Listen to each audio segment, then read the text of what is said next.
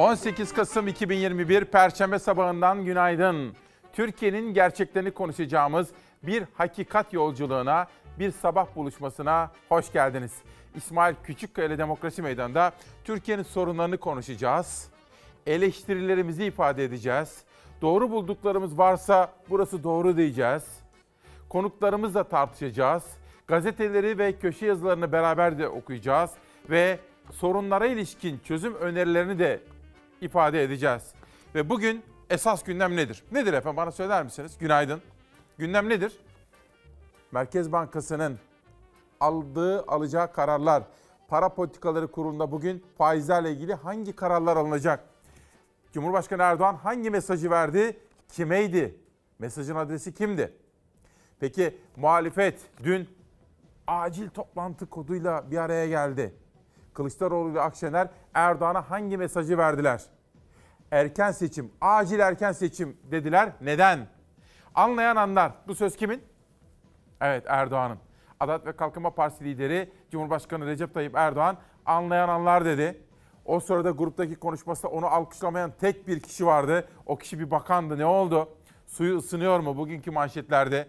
Peki Merkez Bankası bağımsız mı değil mi? Erdoğan'ın bir sözü daha var. Bugün çifti etiketliyiz. Merkez Bankası bağımsız değil mi? diye ekledi Erdoğan ve o zaman kararını versin dedi. Bugün baş döndürücü özel bir sabaha hoş geldiniz. Yönetmenim Savaş'tan rica ediyorum gazeteleri okumaya başlıyoruz. Anlayan anlar. Dünya. Bugün ilk sıraya Dünya Gazetesi'ni aldım. Erdoğan mücadelem sürecek derken iş dünyası adımlar dengeli atılmalı diyor.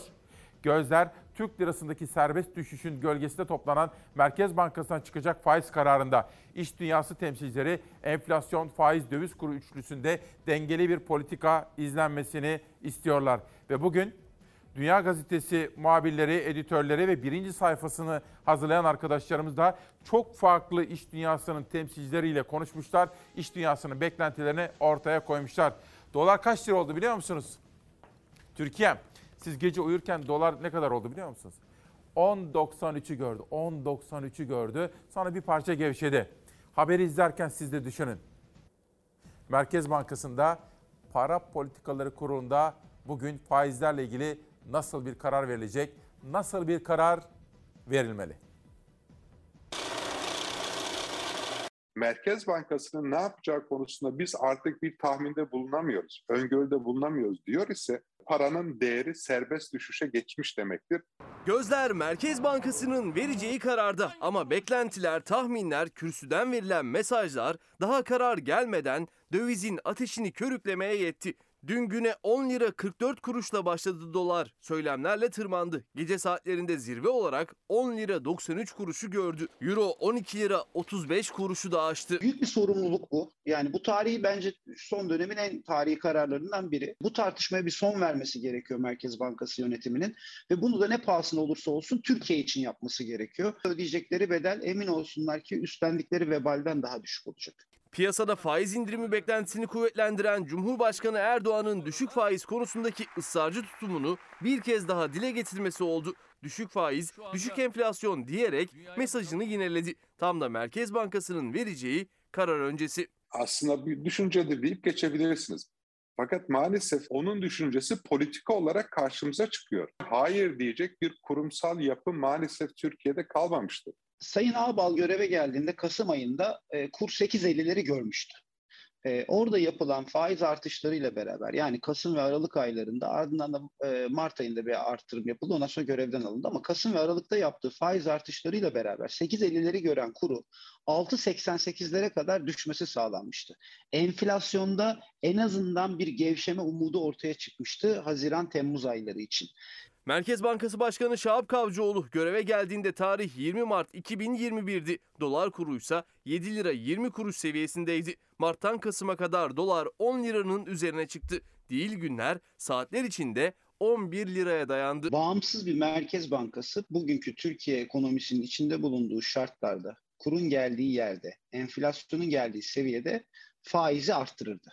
Ama aksini yaptığımızda bir yangına benzin dökmek gibi daha büyük bir yangın çıkartmış hale geliyoruz. artışa mı gider? Onu da bilmiyoruz. Artışa gitmesini ben beklemiyorum tabii ama çünkü sorarlar o zaman bir ay önce niye indirdiniz o zaman? Evet. Amerikalılar 8 ay sonra Amerika Merkez Bankası ne yapacağı konusunda öngörüde bulunabilirken bizim 24 saat sonra açıklanacak bir karar konusunda fikrimizin olmaması içinde bulunduğumuz belirsizlik durumunun ne kadar büyük olduğunu gösteriyor. Gözler bugün Merkez Bankası'nın vereceği kararda. Karar piyasanın yönünü belirleyecek. Çünkü kararda rakamlar konuşacak ama o rakamlar hayata dokunacak. Bizim arzu ettiğimiz şeyin ben yatırımın canlanması, istihdam olduğunu düşünüyorum. E, böyleyken Türk lirası kredi faizlerini indirerek enflasyonu ve kuru başıboş bırakmak anlamına gelecek bu. TL faiz oranlarını indirmek.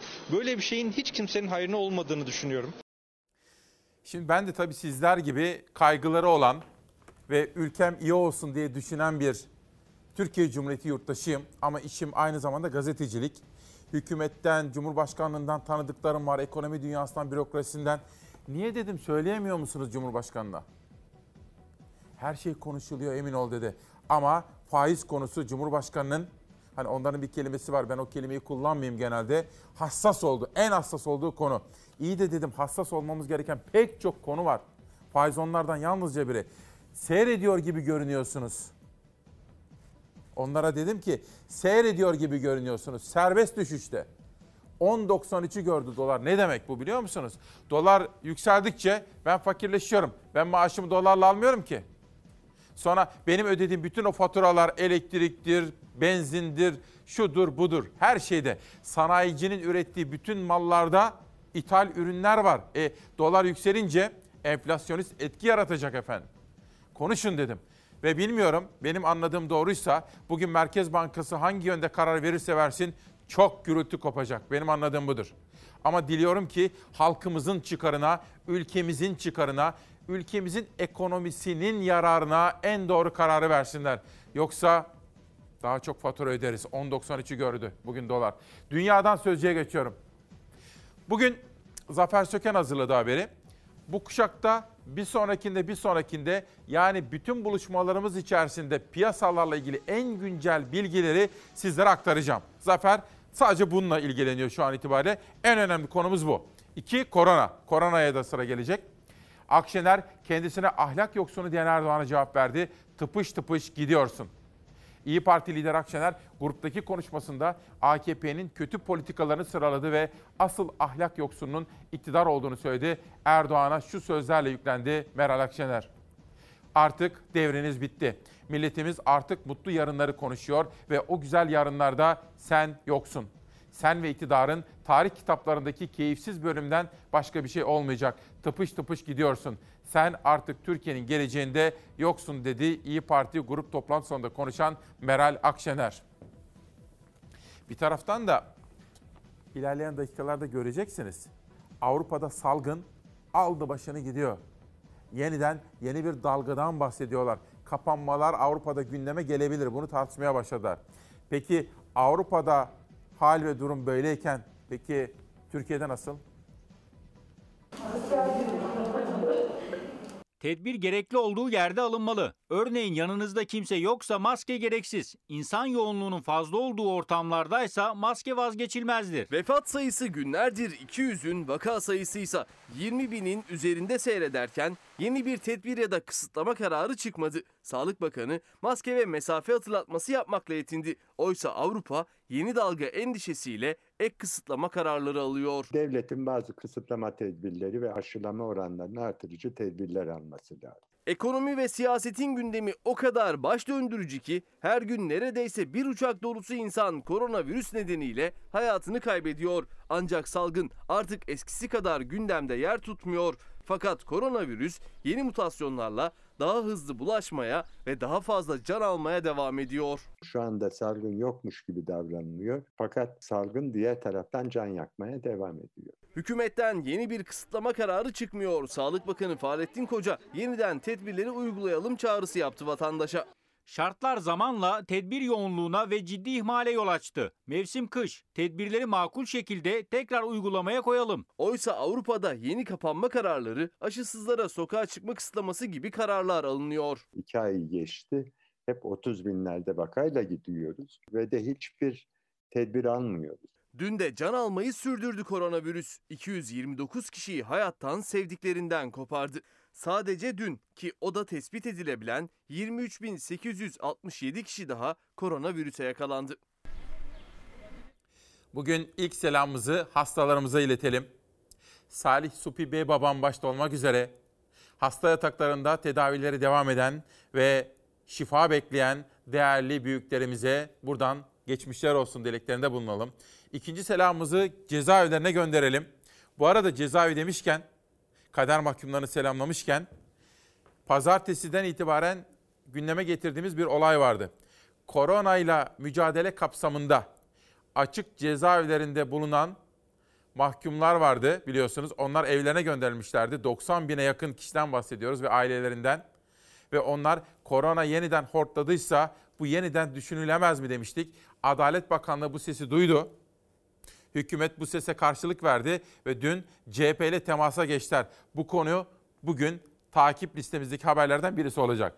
Bir selamda, üçüncü selamımız hep onları düşünürüm. Yurt dışında yaşayıp da Türkiye özlemiyle, memleket hasretiyle yanıp tutuşanlar, sizlere de selamlar ediyorum efendim.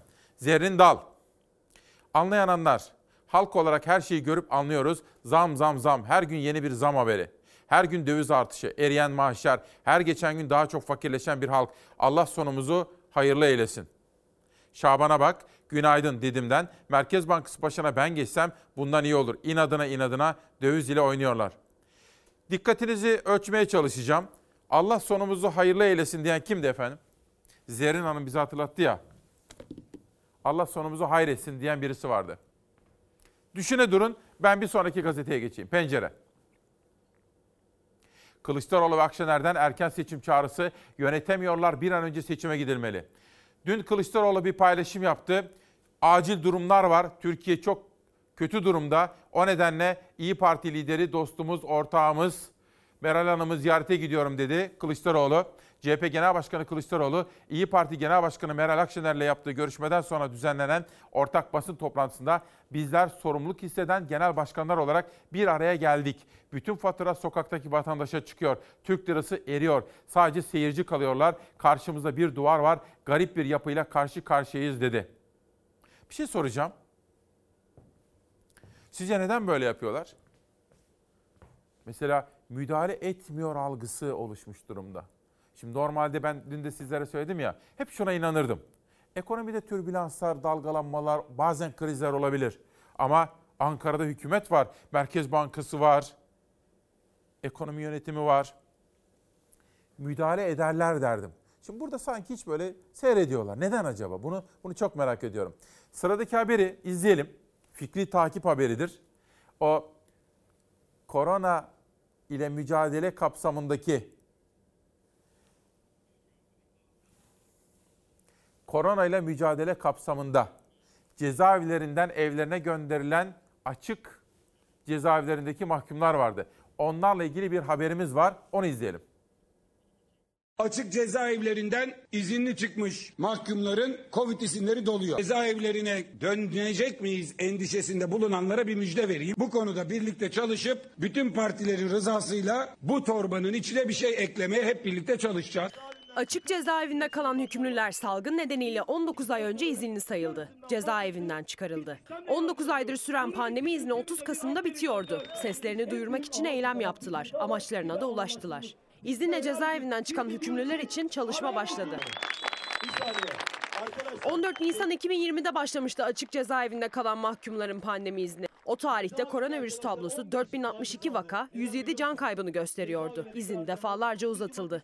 19 ayı buldu. Bu tedbir Covid için alındıysa sorun devam ediyor. 30 Kasım izin için son tarihti. Ancak vaka sayısı 23 binlerde, vefat sayısı ise 200'ün üzerinde. Bu tabloya rağmen 19 aylık pandemi izninin ardından hükümlüler yeniden cezaevine dönecekti. Artan vaka ve vefat sayıları nedeniyle iznin uzatılmasını talep edip eylem yaptılar. Seslerini duyurmaya çalıştılar. Biz Covid izninin uzatılması ile ilgili açıklamamızı yaptık. Buradan cezaevlerine dönecek miyiz endişesinde bulunanlara bir müjde vereyim. Bu açıklamamızdan sonra dün öğleden sonra akşamüstü iktidar partisi bizimle bir temas kurdu. Bu konuda birlikte çalışıp bütün partilerin rızasıyla bu torbanın içine bir şey eklemeye hep birlikte çalışacağız.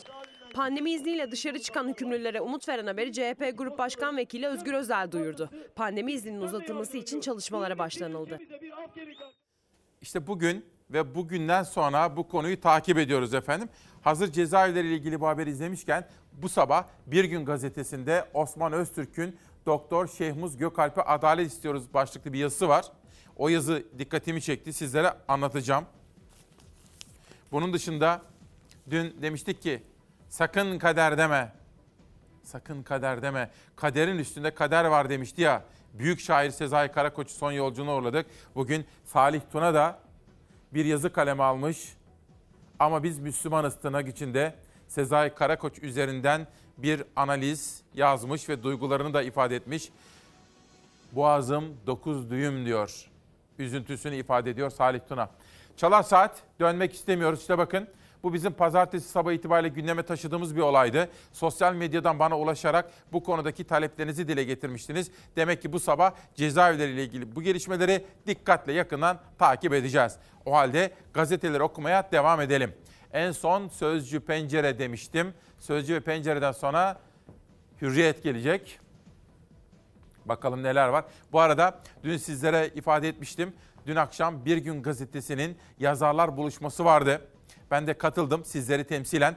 Oradaki meslektaşlarımla Bir Gün Gazetesi'nin muhabir, editör ve yöneticileriyle bir araya geldim. Siz Çalarsat ailesine de selamları var efendim. Benim dışımda kimler kimler vardı? Sizlere ilerleyen dakikalarda anlatacağım. Hürriyet. Bunlarınki bu kalemun siyaseti. Cumhurbaşkanı Erdoğan, Kılıçdaroğlu'nun helalleşme çağrısını her tarafı lime lime dökülen bu kalemun siyaseti sözleriyle yanıtladı. Dün Cumhur İttifakı'nın iki ortağı Sayın Erdoğan ve Sayın Bahçeli bir araya geldi ve Erdoğan dün MHP lideri Bahçeli ile Beştepe'deki buluşmasında yaklaşık 45 dakika sürdü bu buluşma ve Bahçeli Erdoğan'a Türk dünyası haritası hediye etti. Cumhur İttifakı'nın iki ortağı bunları yaparken peki Millet İttifakı'nın iki ortağı ne yaptı? Hürriyet'ten yine okuyalım ekonomi buluşması. CHP lideri Kılıçdaroğlu dün sürpriz bir şekilde ittifak ortağı İyi Parti lideri Meral Akşener'i ziyaret etti. Endişeleri paylaştık ve Türkiye yönetilemiyor. Türkiye'yi yönetemiyorlar. O halde çözüm için yalnızca erken seçim ihtimali var dedi efendim Meral Akşener dünkü konuşmasında. Savaş bir dışarıya bakabilir miyim rica etsem? Bugün çifte etiketli bir gün. Anlayan anlar dedik. Cumhurbaşkanı Erdoğan'ın sözleri acaba kim hangi mesajı anladı? Bir de Erdoğan'ın bugünkü sözlerini biz Merkez Bankası Başkanı'na hatırlatmak istiyoruz. Bugün vereceğiniz karar beni, hepimizi, çoluğunuzu, çocuğunuzu çok ilgilendiriyor. Kendi makamlarınızı, mevkilerinizi, geleceğinizi düşünmeyiniz. Yalnızca ekonominin kitabına, kurallara bakınız ve onun gereğini yerine getiriniz. Merkez Bankası bağımsız değil mi? Bu sözler bizatihi Adalet ve Kalkınma Partisi lideri Erdoğan'a ait. Merkez Bankası bağımsız ise ki ben inanmak isterim, bunu bu sabahta görmek isterim. Sırada günün hava durumu raporu var. Yağmur yüklü bulutlar batıda gezinmeye başlıyor bugün. Bulutlar İç Ege ve Batı Akdeniz'de yağmur yüklü ama seyrek olacak. Yağış ihtimali yok değil ancak cuma günü bu ihtimal daha yüksek. Sıcaklıklarsa düşüşte. İç Ege ve Marmara'nın doğusunda yağış bırakma ihtimali yüksek bulutlar gezinmeye başlıyor bugün. Akdeniz'in batısıyla birlikte Ege'nin iç kesimlerinde gün içinde zamanla yoğunlaşacak bulutlar. Yağış ihtimali çok değil ama yok da değil. Antalya'nın batısı, Isparta, Burdur çevreleriyle Denizli, Afyonkarahisar ve Uşak çevrelerinde zamanla bulutlar yoğunlaşıyor. Yer yer hafif yağış bırakabilir. Akşam Konya, Karaman civarında hafif yağış ihtimali görülüyor. Marmara bölgesinin doğusunda İstanbul, Kocaeli, Sakarya çevrelerinde de Düzce, Zonguldak civarında da bulutlar zaman zaman tamamen gökyüzünü kapatabilir bugün. İhtimali çok yüksek olmasa da bu bölgelerde de hafif yağmur görülebilir. Yağış ihtimali olan iller dışında Marmara, Ege, İç Anadolu bölgesi geneliyle Doğu Anadolu'da sis ve pus da devam ediyor. Bu geceden cuma gününe geçişte Karadeniz üzerindeki bulutlar daha da yoğunlaşıyor. Yağış ihtimali cuma günü daha yüksek. Cuma günü tüm Karadeniz'de yağış görülüyor. Marmara'nın doğusu, İstanbul, Kocaeli, Sakarya çevreleri, Yalova, Bursa, Bilecik civarı da çok bulutlu, zaman zaman hafif yağışlı olacak cuma. İç Anadolu bölgesinde yağışlar daha çok doğu illerde görülecek. Sivas, Kayseri, Nevşehir, Niğde, Aksaray, Kırşehir, Çorum, Kırıkkale, Çankırı, Tokat hafif yağışlı olacağı benziyor cuma. Akdeniz bölgesinde de Mersin, Adana, Osmaniye, Kahramanmaraş civarında yağış geçişleri görülebilir. Cuma günü yağışların ihtimali bugüne göre daha yüksek ancak korkutan kuvvetli bir sağanak yağış ihtimali görülmüyor. Yalnızca günün soğuk saatlerinde Karadeniz'in iç ve yüksek kesimlerinde karla karışık yağmur şeklinde düşebilir yağış. Çünkü cuma kuzey bölgelerden başlayarak soğuma bekleniyor. Marmara ve Batı Karadeniz soğumayı ilk ve en yoğun hisseden bölgeler olacak. Öte yandan Ege ve İç Anadolu bölgelerinde de soğuma hissedilir olacak. Kış, kış gibi üşütecek cuma günü. Bugün Karadeniz ve Marmara'da düşük kuvvette esen soğuk Poyraz, cuma günü daha kuvvetli esecek tüm batı bölgelerde. Batıda ve iç kesimlerde Karadeniz'de daha soğuk hissedilecek. Cuma yurt genelinde üşümemek için hazırlıklı olmakta fayda var. Hani Cumhur İttifakı'nın iki ortağıyla ilgili fotoğraftan bahsetmiştim ya. Sayın Devlet Bahçeli'nin üzüleceğini düşündüğüm veya dikkate alacağından emin olduğum bir mesaj geldi efendim bakın. İsmail Bey günaydın. Erbil'den selamlıyorum memleketi. Erbil'den yazmış. Dün televizyon ekranında biraz önce de gazeteden okuduk. Bahçeli'nin Sayın Cumhurbaşkanı'na takdim ettiği Türk dünyasının haritasını maalesef büyük bir üzüntüyle seyrettik. Türk aleminin hepsini haritaya aldığı halde Irak'ın kuzeyini kapsamına almamışlar. Halbuki Erbil 1050 yılından itibaren esas Türk beşiğidir. Yazık olmuş. Lütfen Bahçeli'ye yönelik bu mesajımızı okur musunuz? Irak Türkmen halkı olarak diyor. Bahçeli'nin bunu dikkate alacağından eminim efendim. Onu da ifade edelim. Peki biraz önce bir soru sormuştum. Bir Allah sonumuzu hayır eylesin diyordu ya. Nereden o laf diye bakın. Aynur Kamçıcı. Allah sonumuzu hayırlı eylesin deyip at izi it izine karıştı deyip gitmişti. Anlayan anlar. Gençler umudunu kaybediyor diyor bir izleyenimiz. Gönül Ildır. Hakan Taş, emeğin değerini bilirsiniz. Hele o emek çocuk yaşta verildiyse staj SZK başlangıcı olsun diyor. Bu haklı bir talep efendim. Çocuk yaşta çalışanlar çırak olarak onların bu emekleri heba olmasın. Emek kutsaldır. Çocuk yaşta çıraklık olarak çalışanlarla ilgili bu talebi de ben bundan sonra yakın takime alacağım. Onu söyleyeyim. EYT gibi 3600 ek gösterge gibi staj konusunda gündeme alacağım. Hürriyetten bir güne geçiyorum. Bugün Bir Gün Gazetesi'nin birinci sayfa editörleri yeter düş yakamızdan manşetini atmışlar. Geçinemeyen halk kan ağlarken Erdoğan'ın tek derdi koltukta bir gün daha fazla kalmak. Şahsın tek sözüyle dolar zirve yapıyor, yoksulluk artıyor. Erken seçim talebi ise sarayın duvarlarından dönüyor. Muhalefet iktidarı zorlayacak örgütlü toplumsal pratiklerden ısrarla uzak duruyor. Bugün bu konu Bir Gün Gazetesi'nin orta sayfasında da böyle geniş bir şekilde yer almış. Onu da sizlere göstereyim. Onlar diyorlar ki örgütlü toplum.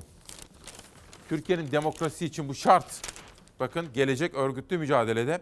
Hatta bunun içerisinde Sol Parti'den, Sol Parti Başkanlar Kurulu üyesi Önder İşleyen'den gelen açıklamalar da var.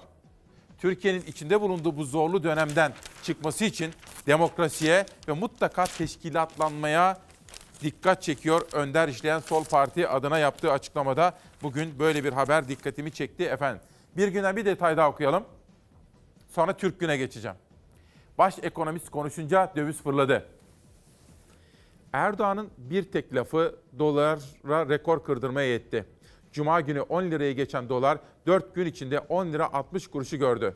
Ülke daha da yoksullaştı. İktidarın sahibi Cumhur İttifakı'nın liderleri yangın yerine dönen ülkede seçim sistemini konuşmak için acil toplantı yapmaya karar verdi. İkinci acil toplantı ise muhalefet partilerinden geldi. Akşener ve Kılıçdaroğlu ekonomide yaşanan gelişmeleri değerlendirmek için İyi Parti Genel Merkezi'nde bir araya geldiler. Ekonomi alanında birlikte çalışma kararı alınan toplantı sonrası yapılan değerlendirmede Kılıçdaroğlu, ekonominin kitabını yazan şahıs vatandaşın defterini dürttü dedi. Şimdi birinci sayfa editörleri grafikler koymuşlar. Bakın ekmek Heh, 2 liraya satılan 210 gram ekmeğin fiyatı 2,5 liraya yükseldi. Dün Derin Yoksulluk Ağı Başkanı Hacer Fogo'yu sizlere aktarmıştım. Olmuş bir ekmek 2,5 lira diyordu. İndik ekmekten sonra bakın bunlar bizim fakirin fukaranın yiyecekleri. Şeker fiyatına %25 zam yapıldı. İndik aşağıya 5 liralık 5 litrelik ayçiçek yağı fiyatı 74.90'dan 82 liraya çıktı. E biz bir de insanlara diyoruz ki zeytinyağı yiyin. Sağlık için. İspanyolların yaptığı gibi, İtalyanların, Yunanların yaptığı gibi sağlık için zeytinyağı yiyin diyoruz. E nasıl yiyecekler? Geçtim zeytinyağını. Çiçek yağı bile nasıl alacağız? He? Dün bir haber vardı. Financial Times mıydı, Liberasyon muydu? Putin vardı öyle bir bir uzaya götüreyim sizleri. Şu fotoğrafa bakarsanız film afişi gibi değil mi?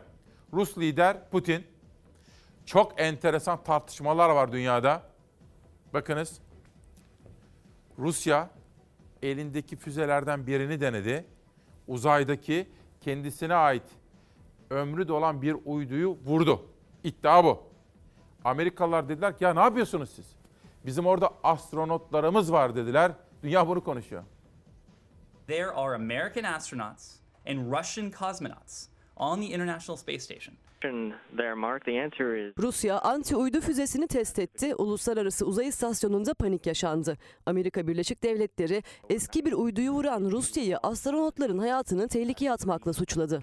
Uh, what the Russians did today Rusların bugün 1500 parçaya bölünen yörünge enkazına neden olması sadece o astronotlar için değil, sadece o kozmonotlar için değil, uydular için de tüm ulusların çıkarları için bir risk oluşturuyor. Amerikan Dışişleri Bakanlığı sözcüsü Ned Price, Rusya'nın eski bir uyduyu yok ederek Uluslararası Uzay İstasyonu'nu Rus ve Amerikan astronotları tehlikeye attığını savundu. Rusya'nın anti-uydu füze testiyle yok ettiği uydu iddiaya göre 1500 parçaya bölündü. Bu rakam sadece gözlemlenebilir olan enkaz. Bir de izlenmesi imkansız yüz binlerce parçanın daha savrulduğu öngörülüyor. Uydu enkazının uluslararası uzay istasyonuna çarpması söz konusu olunca mürettebatın özel kıyafetler giyip güvenli alanlara sığındıkları açıklandı. Rus Dışişleri Bakanı Sergey Lavrov Amerika'nın iddialarına yanıt verdi. Astronotların hayatını tehlikeye attığımızı söylemeleri iki yüzlülüktür dedi. Ancak Rus ordusu füze testini onayladı. Eski uydunun enkazının oluşturduğu tehdidin sürdüğü açıklandı. Uzayda panik devam ediyor. Şimdi Esen Çaldağ'da sebep ne sonuç ne demiş. O iktidarın politikalarını ve Erdoğan uyguladığı bu politikaları sebep sonuç diye söylüyor. Esen Çaldağ Twitter'da böyle bir mesaj atmış. Bu arada Sinan Adıyaman Türk Tabipleri Birliği Genel Başkanı yapmış değerli bir isimdir. Bana Şehmuz Gökalp ile ilgili bir mesaj attı ama bir okuyacağım önce. Biraz evvel bir günden bir makale okumuştum sizlere. Onu hakim olayım konuya. Ondan sonra Sinan Adıyaman'ın hangi mesajı verdiğini sizlerle kamuoyuyla paylaşacağım. Bir günden Türk güne geçelim. İşte Cumhur İttifakı'nın iki ortağı Erdoğan ve Bahçeli. Bu çatı bunlara müsaade etmez. Cumhurbaşkanı Erdoğan, İP Genel Başkanı Meral Akşener'in sürekli küfürbaz açıklamalarda bulunduğunu hatırlatarak bir bayanın ağzından diye bir ifade çıkar mı diye sordu. Erdoğan CHP için ise yeminli Türkiye düşmanlarının taşeronluğuna talipler ifadelerini kullandı. Şimdi bazen böyle zorlanıyorum. Hani burada bizi yöneten veya bizi yönetmeye talip insanların ağızlarından çıkan bu kelimeler. Ya bunları tabii gazetelere de yazıyorlar ama ben okumaktan böyle hicap duyuyorum. Çünkü aldığımız terbiye buna müsaade etmez. Dolayısıyla çocuklarımız da bizi izlediği için o kelimeleri ben sabah sabah burada kullanmak istemiyorum. Siyasilerimize şunu söyleyeyim. Türk Günden bir sonraki gazete, pardon Savaş bir karar gazetesine gelsene bak. Kararın sür manşeti logonun üstünde. Şairlerimiz var ya bizim şairlerimiz. ifade edebiliriz. Siyasiler, devletimizi yönetenler veya devletimizi yönetmeye talip olanlar. Sizler birbirinizi çok sert ifadelerle bile eleştirebilirsiniz. Ama birbirinize hakaret etmeden de bunu yapabilirsiniz. Sert konuşmak, net konuşmak mümkündür. Hiç hakaret etmeden, hiç argo kelimelere başvurmadan. Bu şairlere borcumuz yok mu? Dünya sürgünümü uzatma diye dua etti. E, af dileyerek e, hep yaşadı ve e, güzel bir hayat yaşadı. Her şeyin özeti vuslata kavuştu. Kendi ifadesiyle dünya zindanından kurtuldu, sevgilisine kavuştu.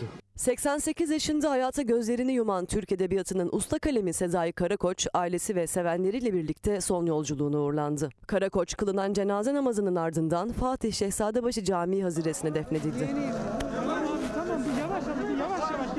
Türk Edebiyatı'na sayısız eser kazandırdı. Fikirleriyle, şiirleriyle, yazılarıyla milyonların kalbine dokundu. İstanbul'daki evinde hayatını kaybeden usta edebiyatçıya veda etmek için ailesiyle birlikte edebiyat ve siyaset dünyasından çok sayıda isim cenaze törenine katıldı. Hayatı boyunca düşündüklerini kendi yaşamına da uygulayan ve sırat-ı müstakim üzerine hayatını tamamlayan Sezai Karakoç büyüğümüze Allah'tan rahmet diliyorum. 88 yıllık hayatının belki şöyle yarım asırdan fazlasını tamamen eserlere ve gençleri yetiştirmeye inandığı doğrultuda bir diriliş destanı uğruna bütün hayatını feda etti. Fatih Şehzadebaşı Camii'de düzenlenen cenaze töreninde Cumhurbaşkanı Yardımcısı Fuat Oktay, AK Parti Başkan Vekili Binali Yıldırım, Adalet Bakanı Abdülhamit Gül, İstanbul Büyükşehir Belediye Başkanı Ekrem İmamoğlu ile birlikte siyasetten çok sayıda isim vardı. Ailesi sevenleri, törene katılan herkes, milyonların kalbine dokunan Karakoç'u güzel sözlerle andı. Usta kalem okunan dualar eşliğinde son yolculuğunu uğurlandı. Kılınan cenaze namazının ardından Şehzadebaşı Camii haziresine defnedildi. Kıtlıklardan ve salgın hastalık musibetinden muhafaza eyle ya Rabbi. Sezai Karakoç'un memleketi Diyarbakır'da da Merkez Sur ilçesindeki tarihi Ulu Cami ve 17 ilçenin merkez camilerinde gıyabi cenaze namazı kılındı. Yaşayan en büyük şairimiz Hilmi Yavuz diyor ki, dün bir paylaşımını gördüm Hilmi hocamın. Sezai Karakoç sıradan bir şair değildi. Bazı şairler sıradandır ama o ölümsüz şairlerdendir. O tıpkı hani bazı mimarlar Süleymaniye'yi, Selimiye'yi inşa ederler. Ölümsüzlük böyle bir şeydir. Sezai Karakoç kumdan bir kule, dağılacak bir kumdan kale değildir. Sezai Karakoç Selimiye gibi, Süleymaniye gibi muhteşem bir abidedir demişti Sezai Karakoç'u son yolculuğuna uğurlarken. Sinan Adıyaman diyor ki bakın Türk Tabipler Birliği Genel Başkanı yapmış bir isim. Sevgili İsmail biraz önce haberi okudun, makaleyi okudun. Türk Tabipler Birliği Yüksek Onur Kurulu üyesi Doktor Şehmuz Gökalp'in hiçbir somut delile dayanmayan yargılanmasının karar duruşması 19 Kasım 2021 Cuma günü Diyarbakır'da yapılacak. Üçüncü duruşmada itirafçı tanık mahkeme huzurunda dinlendi bir itirafçı varmış Doktor Şehmus Gökalp'le ilgili. Fakat mahkeme huzurundaki ifadesinde itirafçı, biz bu itirafçı meselesi nereden biliyoruz? FETÖ zamanından çok biliyoruz değil mi? FETÖ zamanında. Ergenekonlar, balyozlar, he? sahte itiraflar, sahte suçlamalar. He? Diyor ki, üçüncü duruşmada itirafçı tanık mahkeme huzurunda dinlendi. İfadesini geri aldı. Hatalı demiş. Suçlamayı çürüten bütün belgeler mahkeme dosyasına geldi. Ancak Doktor Şehmuz Gökalp'in buna rağmen cezalandırılması talep ediliyor. Biz bunları anlayamıyoruz. Yüksek Onur Kurulu üyemiz Doktor Şehmuz Gökalp için adalet istiyor, adalet arıyoruz diyor. Bakın Sinan Adıyaman'ın yolladığı mesaj. Cuma günkü o davayı biz de takip edelim efendim. Cumhuriyet. Bakan topun ağzında. Tek karar verici olarak ekonomideki yangını körükleyen Erdoğan'dan kabine değişiklik işareti faize ezdirmeyeceğiz dediği halkın üzerinden döviz silindiri geçiren ve yoksulluğu tırmandıran Cumhurbaşkanı Erdoğan, beraber yürüdüğümüz arkadaşlarımızdan faizi savunanlar kusura bakmasınlar. Bu yolda faizi savunanla beraber olamam dedi. Açıklamanın ardından haftalardır eriyen Türk lirası dün de yaklaşık %3 değer yitirdi. Bir günde %3 paramız eridi. Bir günde %3. Erdoğan açıklamasının hedefinde kısa vadede faiz indirimine sıcak bakmayan Hazine ve Maliye Bakanı Lütfü Elvan olduğu belirtildi. AKP'ler Erdoğan, Elvan'ın Meclis Komisyonu ve İstanbul'daki sözlerine kızdı. Çok sürmez görevden azil gelir dedi. İşte böyle. Bugün gazeteleri beraber okuyoruz ya, köşe yazılarına bakıyoruz. Şimdi mesela Yılmaz Özdil, meslek büyüğüm bir yazı yazmış. Limon. Sizce ne diyor mesela? Hiç okumadan tahminde bulunabilir misiniz? He? Adalet ve Kalkınma Partisi iktidarı ile ilgili analizler var Yılmaz Özdil'den. Sadece sonunu okuyayım. Dün haberlerde vardı. Deneyimli gazeteci yazar Yılmaz abi yakalamış detayı oradan bakın. Gelin beraber okuyalım. Limonun kilosu halde 25 kuruşa düştü. Limonu hale götürürken içine koyduğun plastik kasa 17 lira. Bir kasa limon satıyorsun, o kasayı bile alamıyorsun artık. Ya bak Adanalı Mehmet Ali Bilici'yi aradım da nasılsın Mehmet Ali Bey dediğimde ne yapayım gözlerim yaşlı limon ağaçlarını söküyorum demişti. Hiç unutamam. Üzülürüm. Onca emek verdiler. Onca emek ondan sonra o limonları ağaçlarını sökmek durumunda kalıyorlar. Bunları düşünmemiz gerekiyor. Anlayan anlar. Çiftçinin halini anlayan anlar diyelim. Savaş nereye gideyim? Ha. Şimdi sizlere onun haberini sunmuştum. Ezgi Gözeger hazırlamıştı. Akabinde Türk Gün Gazetesi'nde de iki gün üst üste sür manşette de görmüştüm. Mersin'de bir kız, bir çocuğumuz, bir yörük kızı Müslüme. Onu arıyoruz. Yavaş. Kayaymış. E, sıcaklığı görünce termalde. Her yeri aradık. Buna rağmen çıkmadı. Çıkmadığında da umudumuz yola çıkıp da bir alıp giden mi oldu ve bir kaçıran mı oldu? Yani bir, belirli bir şeyimiz de yok yani. Aramıyordu abi. Annesinin söyleyecek sözü gözünde yaşı tükendi, Müslüme hala bulunamadı. Her tarafları arattık tarattık bulamadık. Ne yapacağımızı bilemedik. İnşallah bulunmaya şey yaparız hani. Aynı adı taşıdığı anneannesi Müslüme için her taşın altına bakıldığını dile getirdi. Konar Göçer Sarıkeçili yörüklerinden Yağlı ailesi 10 Kasım'dan bu yana Mersin'in Gülnar ilçesinin yükseklerinde konaklıyordu. Müslüme bir hafta önce kayboldu. İki buçuk yaşındaki Müslüme için altına bakılmayan taş kalmadı çevrede. E, aradık taradık. Akut, AFAD, jandarma, kumanda, yörüklerimiz hep geldi. Hiçbir şey anlaşılma yok. Arkadaşlarımız her detayı inceliyorlar. Her türlü ihtimali göz önünde bulundurup ona göre çalışmalarını sürdürüyorlar. Keşke diğer akranları gibi okullara gitseydi. Keşke diğer akranları gibi e, yerleşik bir düzende yaşasaydı Müslüme. Ama bugün e, dağların eteklerinde, dağların zirvelerinde e, Müslüme aranıyor. Mersin Valisi Ali İhsan Su, CHP Genel Başkan Danışmanı Fatma Köse aileyi ziyaret etti. Çalışmaları yerinde inceledi. Ekiplerin havadan ve karadan çalışmaları günlerdir devam ediyor. Müslümenin bulunamadığı her saat akıllardaki kötü ihtimaller güçleniyor. Yola çıkar biri götürür saklar. Ya birine dek gelir. Aynen ben onu düşünüyorum yani. Şu anda düşüncem o. Her çalının altına bakacağız. Her imara bizim için önemli bir ipucu.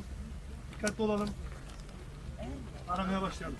Arama çalışmaları her yeni gün baştan başlıyor. Ailenin ümitleri ise her geçen gün azalıyor. Çocuğumuz bulunsun. Tek dilek ve duamız, temennimiz budur efendim. Öyle mi alay komutanı demiş. Sınıf hareketiyle iç içe bir ömür. Kamil Kartal. Bakın. Ülkemizi çok seviyoruz değil mi? Ülkemizi korumamız gerekiyor. Ve ülkemizin ağaçlarını, ormanını da tıpkı HES'leri, dereleri, gölleri korumamız gerektiği gibi. Genelde İstanbul'a uygun ağaç türlerini artık e, sahalara getiriyoruz. E, bizim yerli türlerimiz e, işte ıhlamur gibi, çınar gibi, dışbulak gibi ağaçlara ağırlıklı olarak e, dikimlerini yapıyoruz. Ihlamur kokulu bir İstanbul için daha yeşil bir mega kent için ağaç dikim seferberliği başladı. Çünkü Kasım ayı demek ağaç dikimi demek. İstanbul için Kasım, e, Nisan arasındaki dönemde ağaç dikimlerini yoğun şekilde devam ettiriyoruz. E, Mayıs'a kadar bir 50 bin ağacı e, İstanbul'a yeniden kazandırmış olacağız. İstanbul Büyükşehir Belediyesi Ağaç ve Peyzaj AŞ yeni dönem ağaç dikim çalışmalarına başladı. 50 bin ağaç ilk hedef. Hummalı çalışmalar yeni kapıda sürüyor. Ama Genel Müdür Ali Sukaz parkların kullanımı konusunda hassasiyet mesajı verdi. 70 milyon metrekare yaklaşık bir alanın, yeşil alanın bakımını yürütüyoruz. İnsanımızın parkları kullanırken gerçekten park olarak kullanımına dikkat etmesi bizim için bu parkların varlığını, sürdürülebilirliğini ve fonksiyonunu yerine getirmesine katkı sağlıyor. Dikilecek ağaçların hepsinin yerli üretim olması ise en büyük hassasiyet. Çünkü hem yerli üretici kazanıyor hem de ithalatla daha önce gündeme gelen israf tartışmalarına da nokta koyuluyor. Böcek ve mantar zararlarına dayanıklı kazanmış olmasından dolayı biz yerli türlerde ısrar ediyoruz. 18 Kasım'da ekonomi, dolar, piyasalar, Merkez Bankası'nda para politikaları kurulunun alacağı karar. Bugünkü esas gündem maddemiz. En son ana kadar bu konuyu takip ediyoruz. Adeta deyim yerindeyse küçük bir mini haber masası ayrıca oluşturduk. Bir kriz masası diyebilirim. Onu takip ediyoruz. Bugünkü esas öykümüz bu. Fakat çok ilginç bir haber vereyim mi size? Çok enteresan. İsrailli bir çift. İstanbul'da kuleye çıkıyorlar. Bir fotoğraf çekiyorlar. Turist olduklarını söylüyorlar. Fotoğraf çekiyorlar ya. Çektikleri fotoğrafları WhatsApp gruplarına atıyorlar. Sonra bunlar casus diye tutuklanıyor. Erdoğan ailesinin evinin fotoğraflarını çekmişler. İddia bu. Casus oldukları. Şimdi görüyorum ilk defa sizlerle birlikte ben şimdi sosyal medyada yakaladım. Sizlerle birlikte bunu paylaşacağım şimdi. Ne ne olabilir peki böyle bir durumda? 2-3 gün önce casusluk suçlamasıyla gözaltına alındılar, tutuklandılar. İsrail'i bir çift. Ne olmuş olabilir? Söyleyin bana hadi. Şimdi bak Yıldıray Oğur'un mesajını da gördüm. Anlatacağım. Ama önce Kırılgan Yüzler albümü Burak Tokcan'dan gelmiş. Kemal Özer Şiir Yarışması ikincilik ödülü almış 2021'de. Bu şiir kitabını okuyacağım mutlaka. Rotasız Gemi Pandemi. Hakan Sezgin Sayner. Okuyacağım ve sizlere şiirler aktaracağım burada. Bakın efendim ne olmuş gelin. Yıldıray Oğur diyor ki, yargımızın milli sporu haline gelen bir casusluktan tutuklama hikayesi daha özel uçakla eve dönüşle bitmiş. Fotoğrafa bakın özel uçak. Galiba şu çift. Anladım. Acaba bunlar mı ya da bilmiyorum. Bunlar da olabilir emin değilim. Erdoğan'ın evini fotoğrafladıkları iddiasıyla casusluktan tutuklanan İsrailli Natali ve Mordi Oknin çifti serbest bırakıldı. Çift İsrail yetkililer eşliğinde özel bir uçakla ülkelerine hareket etti diyor. Hangi hikayeyi hatırladınız efendim? Siz bunu düşüne durun. Ben de bir fincan sade kahve içerken editörüm Zeray'la ve danışmanım Nihal Kemaloğlu'yla bir konuşayım. Bu işin perde arkasına da bir bakıp huzurunuza döneyim. Günaydın ve hoş geldiniz. 18 Kasım 2021 günlerden Perşembe İsmail Küçükkaya ile Demokrasi Meydanı'na hoş geldiniz.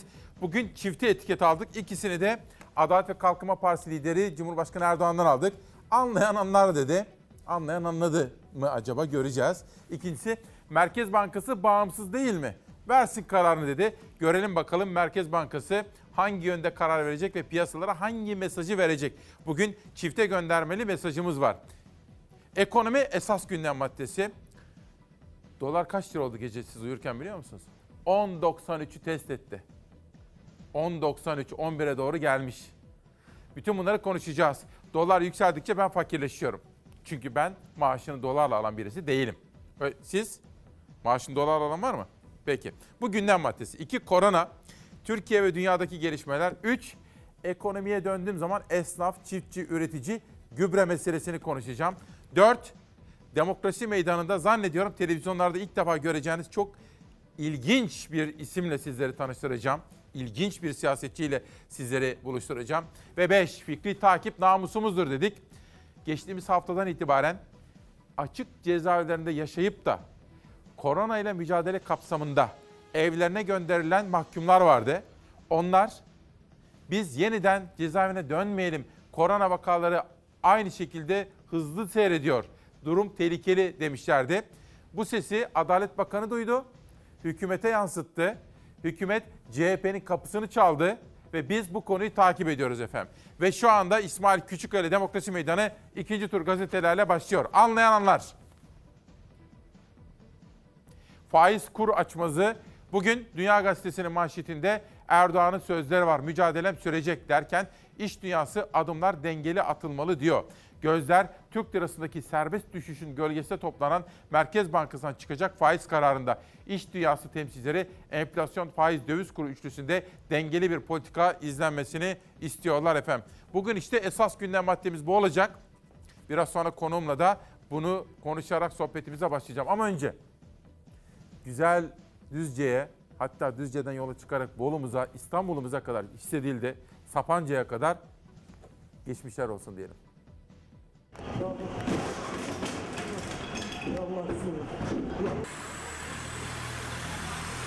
Büyük bir korku anıydı. Bir yer altından böyle e, sanki bir şey geçiyor gibiydi.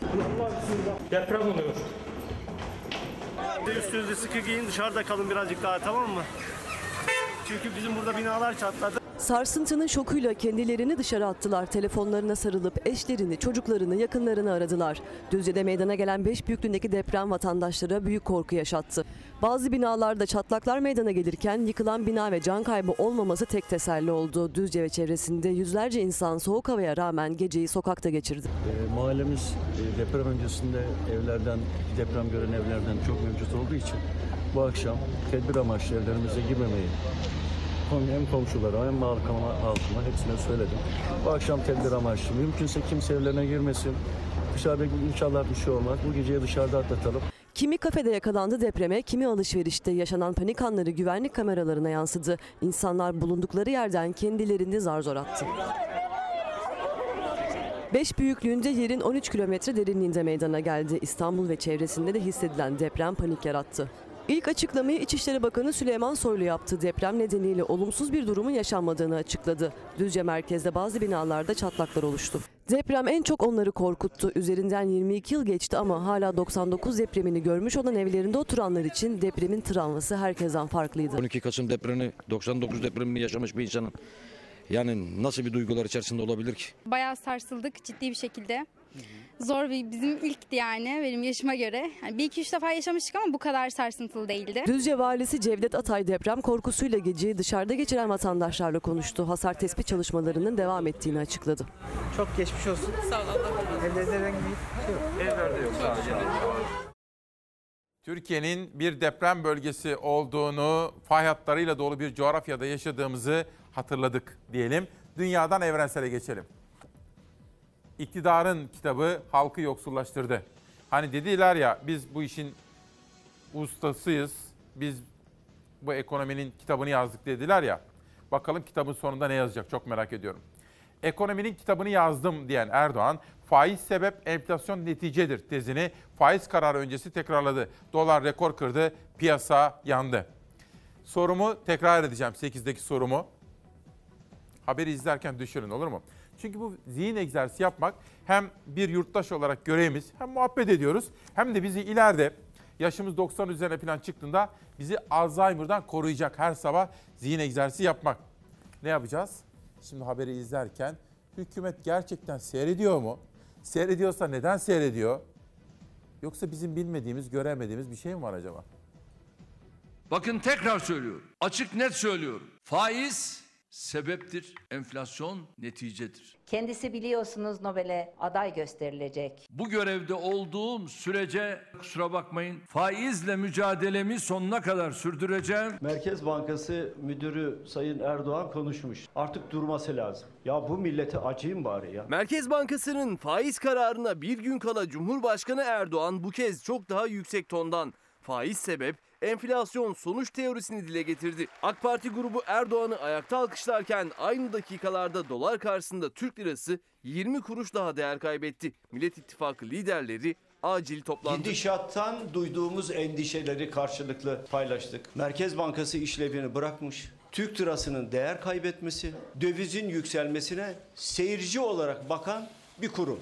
Müdahale edemiyor, rezervi yok. Net rezervi eksi 35 milyar dolar, 128 milyar doları buharlaştırdılar.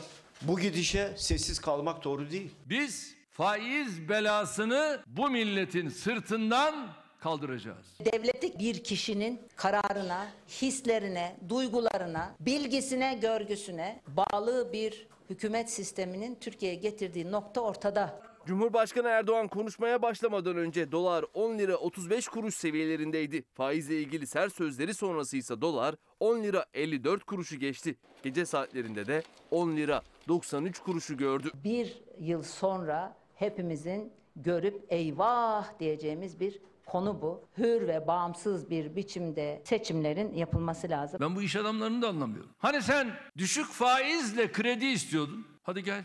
İşte al. Niye almıyorsun? İşte TÜSİAD'ı vesairesi. Ya siz nasıl insansınız? Erdoğan'ın hedefinde faiz kadar iş insanları da vardı. Özellikle de TÜSİAD'a yüklendi. Dürüst olacaksınız, dürüst. Sıkıştığınız zaman hemen kapıyı çalacaksınız. İşi yoluna koyduktan sonra da kalkıp iktidara sallayacaksınız. Yok öyle 25 kuruşa simit. Türk lirasının erimesini nasıl durduracaklar? Karşımızda bir duvar var. Hala Merkez Bankası'na müdahale ediyor. Cumhurbaşkanının daha önce faizi düşürmediği için görevden aldığı Merkez Bankası başkanlarından sonra iki kez faiz düşüren Şahap Kavcıoğlu yönetimindeki Para Politikaları Kurulu bugün nasıl bir karar alacak? Piyasanın gözü o toplantıda. Faiz sebep, enflasyon sonuç vurgusunun altını kalın harflerle çizen, düşük faizde kararlılık gösteren Erdoğan kürsüden indikten sonra ise banka bağımsız bırakın kendi kararını versin dedi. Merkez Bankası'nın yarın faiz indirmeye devam edeceği sonucuna varabilir miyiz? E, Merkez Bankası bağımsız değil mi?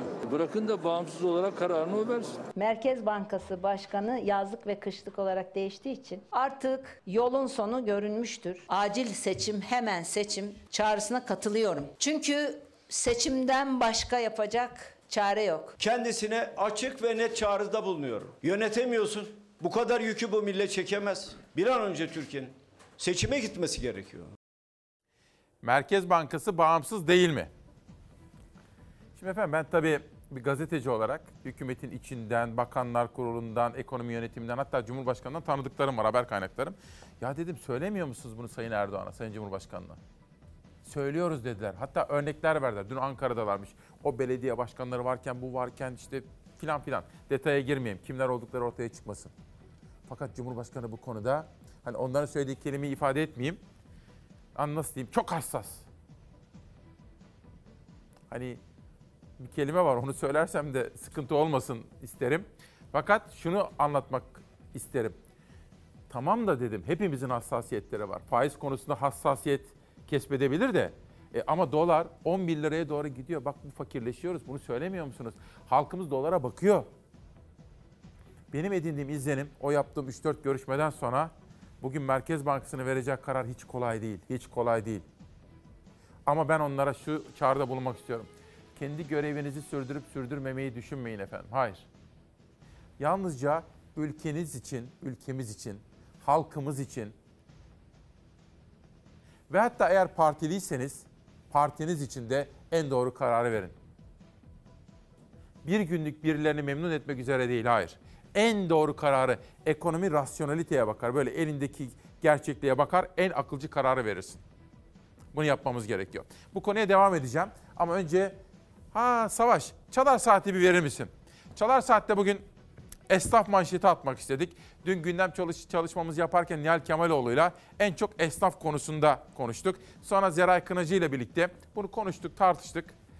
Duru Arca hazırladı. Orkun Özgül de çizdi. Gazetemizin manşeti esnaf. Çünkü esnaf gerçekten çok zorlu bir dönem geçiriyor. Esnafın halini anlayan anlar. Manşeti böyle attım sabah. Duru dedi ki abi ne manşet atacağız? Dedim ki esnafın halini anlayan anlar. Ankara'da kahvehanelerde çaya zam geldi. Kahvehanelerde 2,5 liraya satılan çay artık 3,5 lira oldu. Hatta ben dün İsa Güven'le konuştum. Kahveciler Odası Başkanı. İnan İsmail Bey kardeşim dedi. Yapmamız gerekenin en alt, en alt, en altında zam yaptık. Eğer piyasadaki maliyetlere göre zam yapsak vatandaş bir bardak çay içemez dedi İsa Güven. CHP İstanbul Milletvekili Emine Gülizar Emecan mecliste bir konuşmasını gördüm dün. Esnaf kepenk kapatıyor diyor. Yılın ilk 9 ayında 71.344 esnaf kepenk kapattı. Sayın Bakan esnaf tefecilerin eline düşmüş durumda. Esnaf borcunu borçla kapatıyor dedi. Bu sesi sizlere dinleteceğim. Yine meclisten Garo Paylan HDP adına konuştu. Diyorsunuz ki Türkiye uçuyor. Esnafın derdini en son ne zaman dinlediniz? Şunu da söylemek isterim iktidar sahiplerine. Esnafın sesini onların yanına giderek selamun aleyküm aleyküm selam oturun kahveye, bakkala, küçük esnafa, mesela o kaportacılara, tamam mı? Otosanayiline. Selamun aleyküm aleyküm selam girin. Esnafın halini bir sorun bakalım ne işiteceksiniz? Bu ürünü 45 gün önce ne kadara satıyordunuz? Ee, 130 lirayla 140 lira arası fazla çıkmıyordu. Bugün ne kadar? Bugün 180 lira. Dolar yükseldiği için fiyat Evet. Ee, daha da devam ederse 200 liradan aşağı satamayacağız. Benim aldığım dükkandaki her şey dolar. Yani TL ile aldığımız hiçbir ürün yok şu dükkanda. Çalışanın maaşı tüketicinin cüzdanındaki para eridikçe eriyor. Türk lirasının dolar karşısındaki değer kaybıyla. Nakit yok ne cepte ne de piyasada. Bu yüzden en temel ihtiyacı olan gıda ürünlerini bile kredi kartıyla alıyor tüketici. Yiyecek, içecek ne varsa aklınıza ne geliyorsa hepsini ben kredi kartıyla alıyorum. 3 bin lira maaş alıyorum ben. Kiraydı, doğalgazdı. E, nakit kalmıyor doğal olarak evimizde. Mecburen kredi kartına. Borçlanıyoruz her ay. Sonuçta hepimiz kredi çekerek alıyoruz her şeyimizi. E kredi kartıyla da günlük alışverişlerimizi yapıyoruz. Kredi kartından diliniz yandı galiba. Çok. Ödeyemedik. Faize girdi. İcralar geldi gitti. Arabama el kondu. Topraklarıma el konmaya kalktılar. Neler çektik yani. Son bir iki taksidim kaldı. Onu da kapatabilirsem rahatlayacağım. Bir daha mı tövbe. Borç batağına düşen bir daha asla diyor ama alışverişler kredi kartıyla yapılabiliyor ancak. Esnaf da kartlı ödemelerle ayakta kalmaya çalışıyor ama onlara da zarar. Çünkü bugün kartla aldıkları ödemenin nakit parasını aldıklarında Türk lirası değer kaybetmiş oluyor. 45 gün sonra alıyoruz biz ücreti bankadan. Bu bizi zaten zarar ettiriyor. Çoğu esnaf kredi kartıyla yapılan alışverişlerde banka yüksek komisyon kesse de hemen ertesi gün parasını bankadan almayı tercih ediyor. Çünkü dükkanını çevirebilmesi için elinde nakit para olması gerekiyor. Daha ileri tarihlerde ödemesini aldığında komisyon ücreti düşüyor ancak yine de dolar yerinde durmadığı için esnaf zarar etmekten kaçamıyor. Şimdi 45 gün önce siz bu ürünü 130 liraya sattınız. 45 gün sonra o 130 lirayı bankadan aldınız. Evet. O arada dolar ne oldu? Çok yükseldi. Maliyetleriniz ne oldu? Daha çok yükseldi. Bu satıştan zararınız var mı? Var. Bir ay öncesine kadar doların fiyatı daha aşağıda. Yani tam olarak 8-9 lira arası bir şeydi. Şu an benim zararım 32 lira oldu. Ali Melemiş 130 liraya sattığı bir gömlekle o gün 14 dolar 47 sent alabiliyorken bugün 12 dolar alabiliyor ancak. İbrahim Gönderse bir ay önce vadeli yaptığı satışın ödemesini bugün aldı. O günden bugüne dolar yükseldiği için zararı 1500 lira. Aradaki bütün kar marjım kur farkından dolayı hepsi eridi gitti. Sadece bir satıştan 1500 lira zarar. Sadece bir satıştan evet. Son bir hafta 10 gündür Türkiye'de vadeli satışlar durmuş durumda. Çünkü hiç kimse vadeli fiyatın ne olacağını tahmin edemiyor. Vadeli satış yapamıyor. Bu ticaretin ciddi şekilde durması anlamına geliyor. Kur bir saat sonra bile değişebiliyor. Hani bir ayı geçtim. Bir saat sonra bile değişebiliyor. Ay içimden ne geliyor biliyor musunuz? Böyle. Böyle Ankara'yı uyandırmak geliyor. Ya arkadaşlar böyle seyretmeyin doları filan. Bizim eskiden olduğu gibi şuna inanmamızı sağlayın. Ankara'da bir hükümet var müdahale eder. Bu işler daha kötüye gitmez. Bu inanç, bu güven, ekonomiyi yaşatan budur. Ben böyle bakıyorum. Sabah, şimdi akşam 9.30'da yatıyorsun. Sabah kalkıyorsun. Bu eskiden de şimdiki iktidarı getiren dönemin öncesini hatırlatıyor bize. Lütfen seyretmeyiniz, müdahale ediniz. Bakın Merkez Bankası'ndan faiz kararı beklenirken Türk lirasındaki değer kaybı rekor. Dolar TL kuru güne 10.90 seviyesinden başladı. Euro 12.35'in üzerine çıktı. Altının gram fiyatı 650 liraya geçti. Bu bu bir alarmdır yani bence. Yani bu, bunu görmüyorlar mı yoksa anlamıyorum. Bu arada çok mesaj geldi bakın Yıldıray Oğur'un mesajı yargımızın milli sporu haline gelen bir casusluktan tutuklama hikayesi daha özel uçakla eve dönüşle bitmiş. Erdoğan'ın evini fotoğrafladıkları iddiasıyla casusluktan tutuklanan İsrailli Natali ve Mordi Oklin çifti serbest bırakıldı. Çift İsrail yetkililer eşliğinde özel bir uçakta ülkelerine hareket etti. Şimdi bunlar Erdoğan çiftinin evini fotoğrafladıkları iddiasıyla casus oldukları suçlamasıyla tutuklandılar. E ne oldu? İnanılmaz bir şey ya. Ve bakın devam edelim. Yine bağımsız hukuk devleti kuralları işlemiş. Haberi İsrail Başbakanı Bennett duyurdu. Türkiye Cumhurbaşkanı ve hükümetine işbirlikleri için teşekkür eder. Oklin çiftine hoş geldiniz deriz. Devlet Başkanı da çiftin dönüşü için yaptığı faaliyetlerden dolayı özel teşekkürler. Vay be. Hukukun üstünlüğü. Bak. Evrensel kurallar var evrensel. Ben 9 yıldır bunları söylüyorum. Sadece 9 yıldır burada değil. Eskiden bir 30 yıllık gazeteciyim. Evrensel hukuk kuralları şunu söyler. Hukukun üstünlüğü. Yargıç teminatı. Yargının bağımsız ve tarafsız olması. Yargının herhangi bir savcının, hakimin, yargı organlarının hiçbir kimseden ne kadar güçlü olursa olsun telkin, tavsiye, aracı kabul etmemesi, talimat hele almaması. Hukuk önündeki kurala bakacak, karşısındaki vakaya bakacak, en doğru karar verecek. Sözcüden bir manşet. 50 artı 1 çıkmazı. Cemil Çiğ'in sözcü açıklaması siyaseti karıştırdı. İktidar Cumhurbaşkanı seçilebilmek için ilk turda 50 artı 1 oy alma şartından dönmek istiyor. Ancak ortağı MHP karşı Bahçeli ikna edilmeye çalışılıyor dedi. Bir sonraki gazete bakalım hangi gündem maddesiyle çıkmış Türkiye. Yoksula düşük fatura. Elektrikte kademeli tarife başlıyor. Kademeli tarife. Enerji Piyasası Denetleme Kurulu abonelere tüketim miktarlarına göre farklı tarifeler belirleyecek. E bu yok muydu zaten? Yok muydu acaba? Dar gelirliye müjde. AK Parti kanun teklifi verdi. Elektrik faturalarında tüketime göre tarifeler uygulanacak. Belli bir kilowatt saat sınırının altında kalanların tarifeleri daha düşük hesaplanacak. Az kullanan az, çok kullanan çok ödeyecek. Böylece dar gelirler fiyat artışlarından etkilenmeyecek. Düzenleme kısa sürede meclisten geçecek diyor. Bir de efendim hani ben çok söylerim ya fikri takip namusumuzdur. Cezaevleriyle ilgili bir haber. Biz bunu takip ettik. O haber hazırlana dursun. Bu arada polisimizin hakkını da korumaya çalışıyoruz. Teşekkür ediyoruz kendilerine Abdurrahman Yılmaz'a. M. Şav Genel Başkanı polisimizin anasının ak sütü gibi helal olan 3600'ü de savunmaya devam edeceğiz. Cezaevleriyle ilgili önemli bir ses vardı. O sesi duyurmaya çalıştık. Belli ki o ses Adalet Bakanlığı tarafından, hükümet tarafından duyuldu ve CHP'nin kapısı çalındı. Açık cezaevlerinden izinli çıkmış mahkumların Covid isimleri doluyor. Bunu derhal düzeltmek lazım. O tarihte vaka çok deyip bırakıldıklarında günde 107 kişi ölüyordu Covid'den. Dün 215 kişi öldü ve aylardır 200'ün altına çok nadir düşüyor. Yani bu tedbir Covid için alındıysa sorun devam ediyor. Ayrıca dışarı bırakılanlardan iş kuranlar, ev kuranlar, istihdama katılanlar, bambaşka şekilde hayata tutunanlar var. Bunu da ıslah maksatlı cezanın amacına ulaşma durumunda tekrar çekilmesini hukukçuların bir daha bir tartışması lazım. Bu meselede biz Covid izninin uzatılması ile ilgili açıklamamızı yaptık. Buradan cezaevlerine dönecek miyiz endişesinde bulunanlara bir müjde vereyim. Bu açıklamamızdan sonra dün öğleden sonra akşamüstü iktidar partisi bizimle bir temas kurdu. Bu konuda birlikte çalışıp bütün partilerin rızasıyla bu torbanın içine bir şey eklemeye hep birlikte çalışacağız. Bu çağrımıza iktidarın olumlu cevap vermesinden memnuniyet duyuyoruz. Bunun CHP'nin dediği için olmasına engel olmak için bugün basılı gazetelere ya biz bunu aslında geçen toplantıda düşünmüştük diye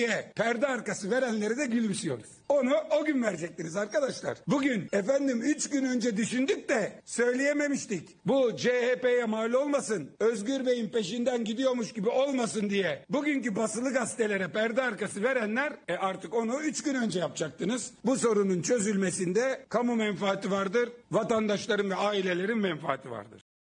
Şimdi tabii biraz evvel gösterdim ya ajanslarda, haber merkezlerinde son dakika gelişmeleri var efendim. Bu arada Cumhurbaşkanı ve Adalet Kalkınma Partisi lideri Erdoğan sözleri var. Savaş onu hazırla. Bugünkü etiketimizi ben Sayın Erdoğan'dan aldım efendim. Ama bu arada son dakika gelişmelerine bir bakalım. Selahattin Demirtaş Edirne'den kapalı cezaevinden avukatları aracılığıyla bir bilgilendirme yapmış kamuoyunu. Bakalım ne diyor. Sayın Kemal Kılıçdaroğlu geçtiğimiz hafta helalleşme kavramını kullanarak önemli açıklamalar yaptı her türlü siyasi taktik hesaptan, ittifak ve seçim tartışmalarından bağımsız bir şekilde Sayın Kılıçdaroğlu'nun bu açıklamasını toplumsal uzlaşma ve ülkemizin iç barışı açısından çok önemsiyorum ve yürekten destekliyorum. Selahattin Demirtaş bunları söylüyor ve devam edelim. Çünkü diyor Demirtaş, geçmiş hatalarımızla samimi, dürüst ve cesur bir şekilde yüzleşip karşılıklı helalleşmeden hiçbir sorunumuzu kalıcı olarak çözemeyiz. Bu nedenle Cumhuriyet'in kurucu partisi CHP'nin genel başkanı sıfatıyla yapılmış bu açıklama tarihi önemdedir. Ve mutlaka sahiplenilmesi, desteklenilmesi ve güç verilmesi gereken ciddi bir adımdır diyor. Selahattin Demirtaş helalleşme demişken Kılıçdaroğlu'nun bu çağrısı çok yankı yaptı. Dün akşam sizlere dün sabah ifade ettiğim gibi önce Bir Gün Gazetesi'nin yazarlar buluşmasına gittim. Oradaki emekçi kardeşlerimin gazeteciler, muhabirler, editörlere ve yöneticilerin yazarların sizlere selamları var. Orada da gördüm Zeynep Hanım'ı, Zeynep Altıok Akatlı. Kendisi bir dönem CHP'ye mesafeli durmuş çünkü kırgınmış ama Kılıçdaroğlu sayesinde barıştım diyor. Ve Kılıçdaroğlu'nun bu helalleşmesinin arkasını önemsiyor. Önemsediğini ve desteklediğini de vurguluyor efendim. Nasıl bir helalleşme konulu yaz, yazısında Zeynep Altok. Altok biliyorsunuz çok acılar çekmiş bir genç yürek. Ve bir sonraki gazeteye geçeyim bir güne. Varlık fonu. Bu beklesin savaş. Efendim bugünkü manşetimizi, çifte etiketimizi telif hakkını kendisine ödeyeceğiz. Cumhurbaşkanı ve Adalet Kalkınma Partisi lideri Sayın Erdoğan'dan aldık. Bakın tekrar söylüyorum. Açık net söylüyorum. Arkadaşlar faiz sebeptir. Enflasyon neticedir. Bunu farklı yere çevirme gayretine girenlere diyorum ki boşuna uğraşmayın. Biz faiz belasını bu milletin sırtından kaldıracağız.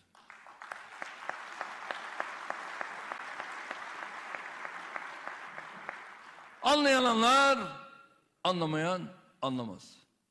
Ama biz faize kesinlikle milletimizi ezdiremeyiz. Bunu kabulleneceğiz. Bunun başka çıkışı olamaz. Salgın döneminde tüm ülkeler kepenkleri indirirken bizim yatırımlarımıza kesintisiz devam etmemiz açılıştan açılışa temel atmadan temel atmaya koşmamız bunun en somut örneğidir. Merkez Bankası'nın yarın faiz indirmeye devam edeceği sonucuna varabilir miyiz? E, Merkez Bankası bağımsız değil mi? Bırakın da bağımsız olarak kararını o versin. Bakalım bağımsız Merkez Bankası bugün nasıl bir karar verecek ve verdiği bu kararın ne kadar isabetli olduğunu dolara, euroya bakarak anlayacağız. Bu cümleyi bir daha söyleyeyim. Merkez Bankası'nın ne kadar bağımsız olduğunu bugün vereceği kararla göreceğiz. Ve verdiği kararın ne kadar doğru olduğunu da dolara, euroya bakarak anlayacağız. Ha, güzel cümle oldu değil mi? Şöyle vuralım. Teşekkür ederim. Musa Evin bir esnaf kardeşim diyor ki Sayın Cumhurbaşkanımız faizi indirdik gidip alın diyor. Siz nasıl adamlarsınız diyor. Bir kelime var orada. Onu söylemeyeyim. Hem istihdam yaratıyoruz, hem ihracat yapıyoruz, hem vergi veriyoruz, hem de zorluklar yaşıyoruz, batıyoruz. Üstelik de hakaret işitiyoruz. Ben bunu İTO'da İTO acil gündem toplantı yapmalı. İTO grubuna da yazdım diyor Musa Evin yolladığı mesajda. Esnaf. Ya bilmiyorum bazen diyorum ki bence Cumhurbaşkanı'na bilgileri vermiyorlar. O görmüyor bence tam olarak bizim gördüğümüzü. Ona ulaşamıyorlar. Benim anladığım bu. Yoksa görse, anlasa böyle davranmaz diyorum pek çok hususta. Bir gün. Varlık fonu arkadaşlar onu okumamıştım. Heh. Varlık fonuydu artık danışmanlar fonu Hüseyin Şimşek. Sadece bir yılda kısa vadeli borçlarında 635 milyar liralık artış yaşanan, ticari zararı 103 milyon lira olan varlık fonu danışmanlara çalışıyor. Kamunun en önemli gelir getirici kuruluşlarını bünyesine barındıran ve başında AKP'li Cumhurbaşkanı Erdoğan'ın bulunduğu varlık fonu danışmanlara 2020'de bir önceki yıla göre %400'den daha fazla harcama yaptı. Danışmanlık için kasasından 28 milyon lira çıkan fonun tüm harcama kalemlerindeki artış ise %211 oldu diyor. O halde Adalet ve Kalkınma Partisi liderine baktık. Bir de CHP liderine bir bakalım. Acaba ne diyor? Yeni çıkan kitaplara da baktığım zaman Murat Menteş, teşekkür ederim imzalı göndermiş. Turan Gökmenoğlu Babakale Altınkum öykülerini bana göndermiş. Erdoğan'dan hemen sonra sıra Kılıçdaroğlu'nda. Artık durması lazım. Ya bu millete acıyım bari ya. Bu millete acı. Kitabını yazdım diyor bu işin. Sen bırak kitabı kardeşim ya. Milletin defterini dürdün sen. Milletin defterini dürdün. Biz buraya niye geldik? Niye konuşuyoruz iki genel başkan olarak? Ülke daha büyük acılar çekmesin. Daha büyük felaketler yaşamayalım. Bakın kış geliyor. Yol yöntem öneriyoruz. Şunları şunları şunları yapın. Hala Merkez Bankası'na müdahale ediyor. Ay, al kardeşim onu. Doğrudan doğruya Merkez Bankası'nı kendine bağla. Doları olan kazanıyor. Türk lirasına sahip olan da kaybediyor. Dolayısıyla bunların artık bu ülkeyi yönetme kapasiteleri yok, bilgileri yok, birikimleri yok. Bir an önce İzzet-ü İkbal ile Babı hükümetten çekilsinler. Yönetemiyoruz desinler. Bu millete daha fazla acı çektirmesinler. Yazıktır, günahtır ya. Merkez Bankası Başkanı yazlık ve kışlık olarak değiştiği için ömrünü doldurmuş gibi görünüyor. Belki e, Sayın Elvan'ı yani umarım istiskal etmeden görevinden kenara koyar. Çünkü o yapının içinde e, dürüst bildiğimiz bir insandır Sayın Maliye Bakanı. Bütün kurumları insanların şahsında yerle bir eden bir partili cumhurbaşkanımız var. Bütün mesele bu. Eğer ilkeler bu şekilde bir şahsa bağlıysa, ilkelerin dışında, hukukun dışında ben ne dersem o olur kardeşim diyen bir mantık var ise Sayın Erdoğan'ın bu konuşmalarının hiçbirini yadırgamak mümkün değil. Türkiye maalesef parası pul olmuş. Dış dünyada itibarı gitmiş. Yerle bir diyemiyorum içim acıdığı için. itibarı zedelenmiş ve yolsuzlukta marka olmuş bir ülke haline getirilmiştir. Evet hani dedim ya sizlere dün akşam Bir Gün Gazetesi'nin yazarlar buluşmasına gittim. Sizlere de bolca selamlar getirdim. Orada da vardı Sol Parti Başkanlar Kurulu üyesi Önder İşleyen vardı. Onu davet ettim. Biraz konuşalım. Çünkü dün Kılıçdaroğlu'nun konukları vardı. Bir ittifaktan bahsediyorlar. Hani Selahattin Demirtaş da söyledi. Ne oluyor acaba diye çok merak ettim. Kendisini de e, davet ettim. Genç bir siyasetçi. Ama önce dün buraya demokrasi meydana gelmişti. Alaaddin Aldemir. Çok ses getirdi. Acaba neden? Hükümet e, her şey olduğu gibi e, hükümetin karar alıcıları e, ekonomiye de ideolojik bakıyor. Faiz haramdır cephesinden bakıyor. Öyle olunca faizi düşürürsek her şey düzelir zannediyorlar. Biz de o yanılgıya düşmüştük. Herkes milliyetçi olursa Türkiye kurtulur falan zannetmiştik. Anlıyor musunuz? Yani gerçeklikten koptular. Görmezden gelerek bu işin üstesinden geleceklerini zannediyorlar. Ama belli bir iktidardan nimetlenen belli bir elitin dışında AK Partili seçmen de çok rahatsız. İslamcı düşünceye ömrünü vermiş. Davanın gerçek sahipleri de şu an çok bizden daha çok büyük bir eziyet içerisindeler. Vicdani rahatsızlık içerisindeler. Görüştüğümüz bazı arkadaşlar İyi Parti ve MHP'nin dışında bağımsız olarak bir Cumhurbaşkanı adayı çıkarmayı düşünüyorlar. Niye bir Türk milliyetçisi Cumhurbaşkanı adayı yok? Cumhuriyetin kurucu ideolojisi milliyetçilik olduğu halde, aydınlanma ve milliyetçilik olduğu halde niye bir e, Türk milliyetçisi Cumhurbaşkanı adayı yok deyip bu konuda görüşüyorlar yani aralarında Peki. ama bu ekonomi e, çok kötü yani çiftçi ben yazın da çiftçilerle beraberdim. Yani biz burada 1 euroya kiraz veremiyoruz Niğde'nin Olukuşla ilçesinde. Aynı gün ben şeye sordurdum. Almanya'da, Avusturya'da 7 euroydu. Bizim 1 euroya veremediğimiz kiraz 7 euroydu. Bunu organize edecek hükümetin görevi budur yani. Şimdi Ülke Ocakları Genel Başkanlığı yapmış, bu konuda vakıflar kurmuş bir isim. Şimdi Kılıçdaroğlu'yla çalışıyor. Dün burada söyledikleri içerisinde milli sol diyordu. Milli hassasiyetleri ön plan alan, muhafazakar dünyayla da ilişkileri bulunan, güçlü ve sahih ilişkileri bulunan ve bir yeni sosyal demokrasi anlayışından, milli soldan bahsediyordu Alaaddin Aldemir. Çok çarpıcıydı. İlerleyen zamanlarda ne dediğini daha da iyi anlayacağımızı düşünüyorum. Sosyal medya mesajlarına bakalım. Anlayan anlar diyelim. Bakalım neler geliyor. Mustafa Balbay, Demirtaş AKP'ye bir söz verse hemen serbest bırakılacak. Bu iddiayı Mustafa Balbay dillendirdi. Gerçek gündemde manşet oldu. Nesrin Naz, Kılıçdaroğlu'nun helalleşme çağrısına karşı çıkanlar ne istiyor? Kılıçdaroğlu affedeceğiz demiyor. Hukukun işi ayrı diyor. Buna rağmen hayır diyorsanız o zaman intikam istiyorsunuz demektir. İntikamın adaletle ilgisi yoktur. Suçun sürekli tekrarı ve yaraların derinleşmesidir diyor. Ve efendim Önder İşleyen geldi. Sol Parti Başkanlar Kurulu üyesi. Genç bir siyasetçi. Ben de ilk defa tanıştım. Gıyabında çok şey duymuştum.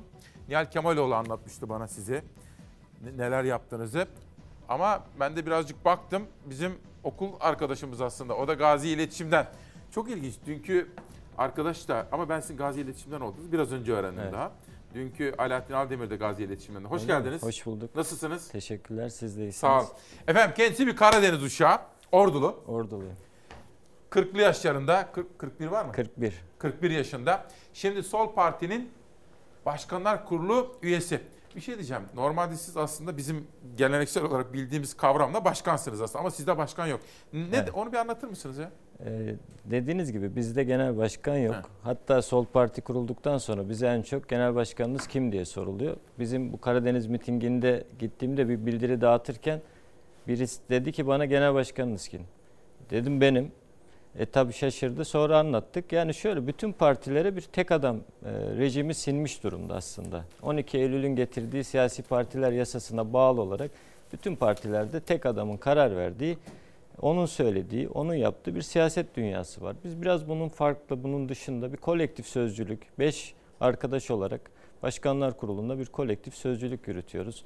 E, üç kadın arkadaşımız, e, genç arkadaşlarımız, işte 25 yaşında Gizem arkadaşımız, e, böyle 5 kişilik bir sözcülükle aslında itiraz ettiğimiz şey Türkiye'de itiraz ettiğimiz şey. Yani bu tek adam rejimine karşı çıkarken partilerdeki bu tek adam sistemine de karşı siyasetin aslında herkesin kolektif olarak yaptığı, herkesin e, sözünü söyleyebildiği. Yani birisi oturduğu zaman bir başkanlık koltuğunda neredeyse ömrü bitene kadar orada. Heh, kalıyorlar değil mi? Kalıyor ve herkes Profesyonel iş. öyle. Herkes şeyden bıktı. Aynı yüzler, aynı sesler. Evet. Herkes bıktı. Daha genç, daha kadın e, ve değişebiliyor. Sizin bu konsey kaç kişilik? 5 kişilik. 5 kişi. ikisi kadın.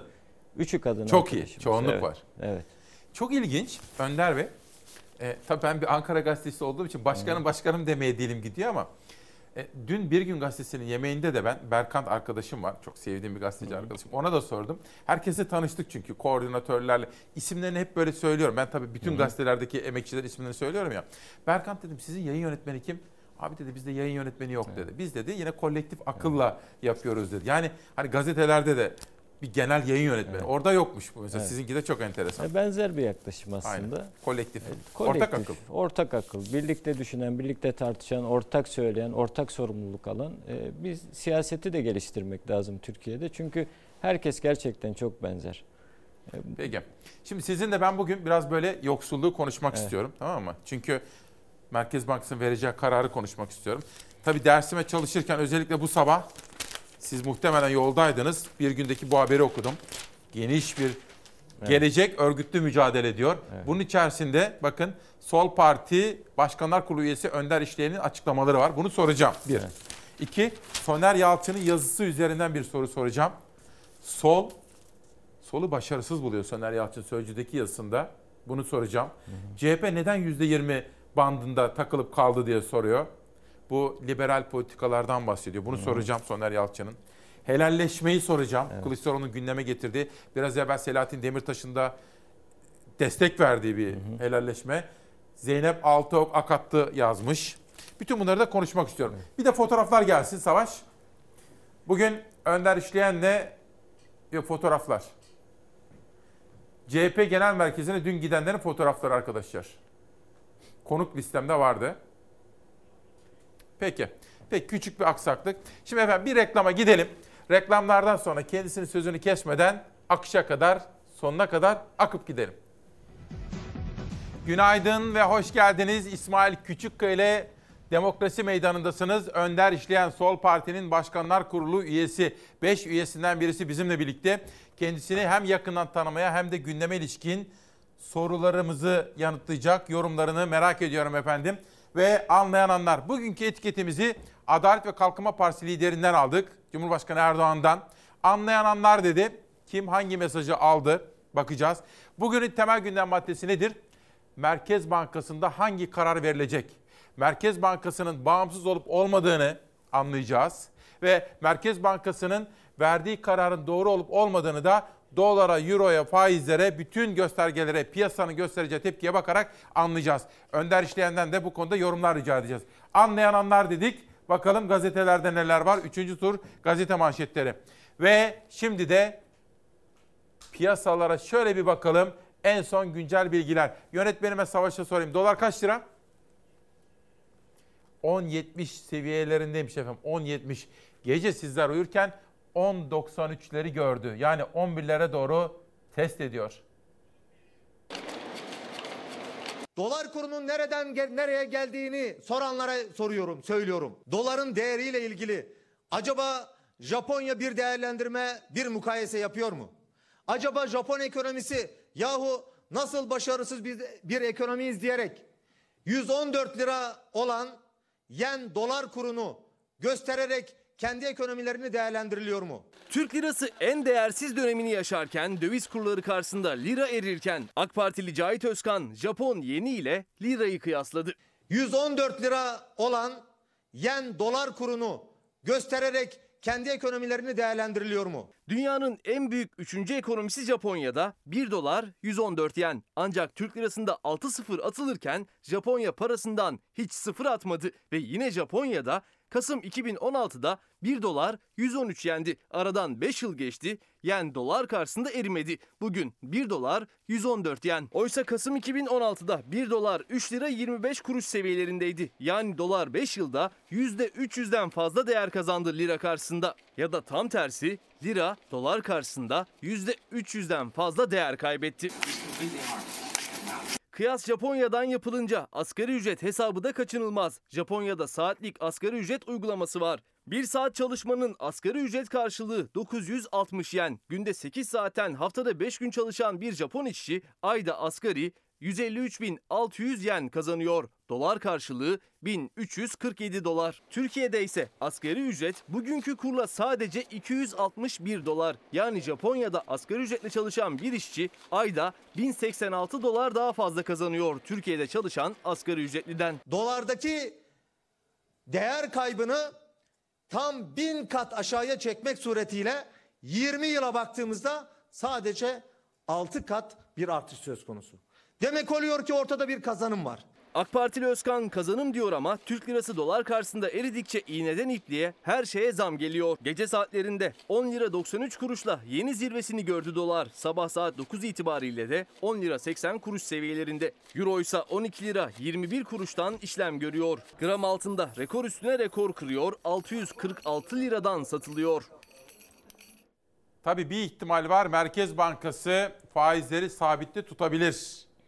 Tutarsa acaba dolar ne kadar gevşer ve piyasalar, piyasa yapıcıları, piyasa oyuncuları nasıl reaksiyon gösterir? Bu da çok önemli. Ve Pencere gazetesi dolar inat endeksi 10.67'yi gördü. Erdoğan anlayan anlar, anlamayan anlamaz dedi. Bugün Bir Gün Gazetesi'nin orta sayfasında genişçe bir röportaj ve o röportajın içerisinde analizler var. Gelecek örgütlü mücadele ediyor.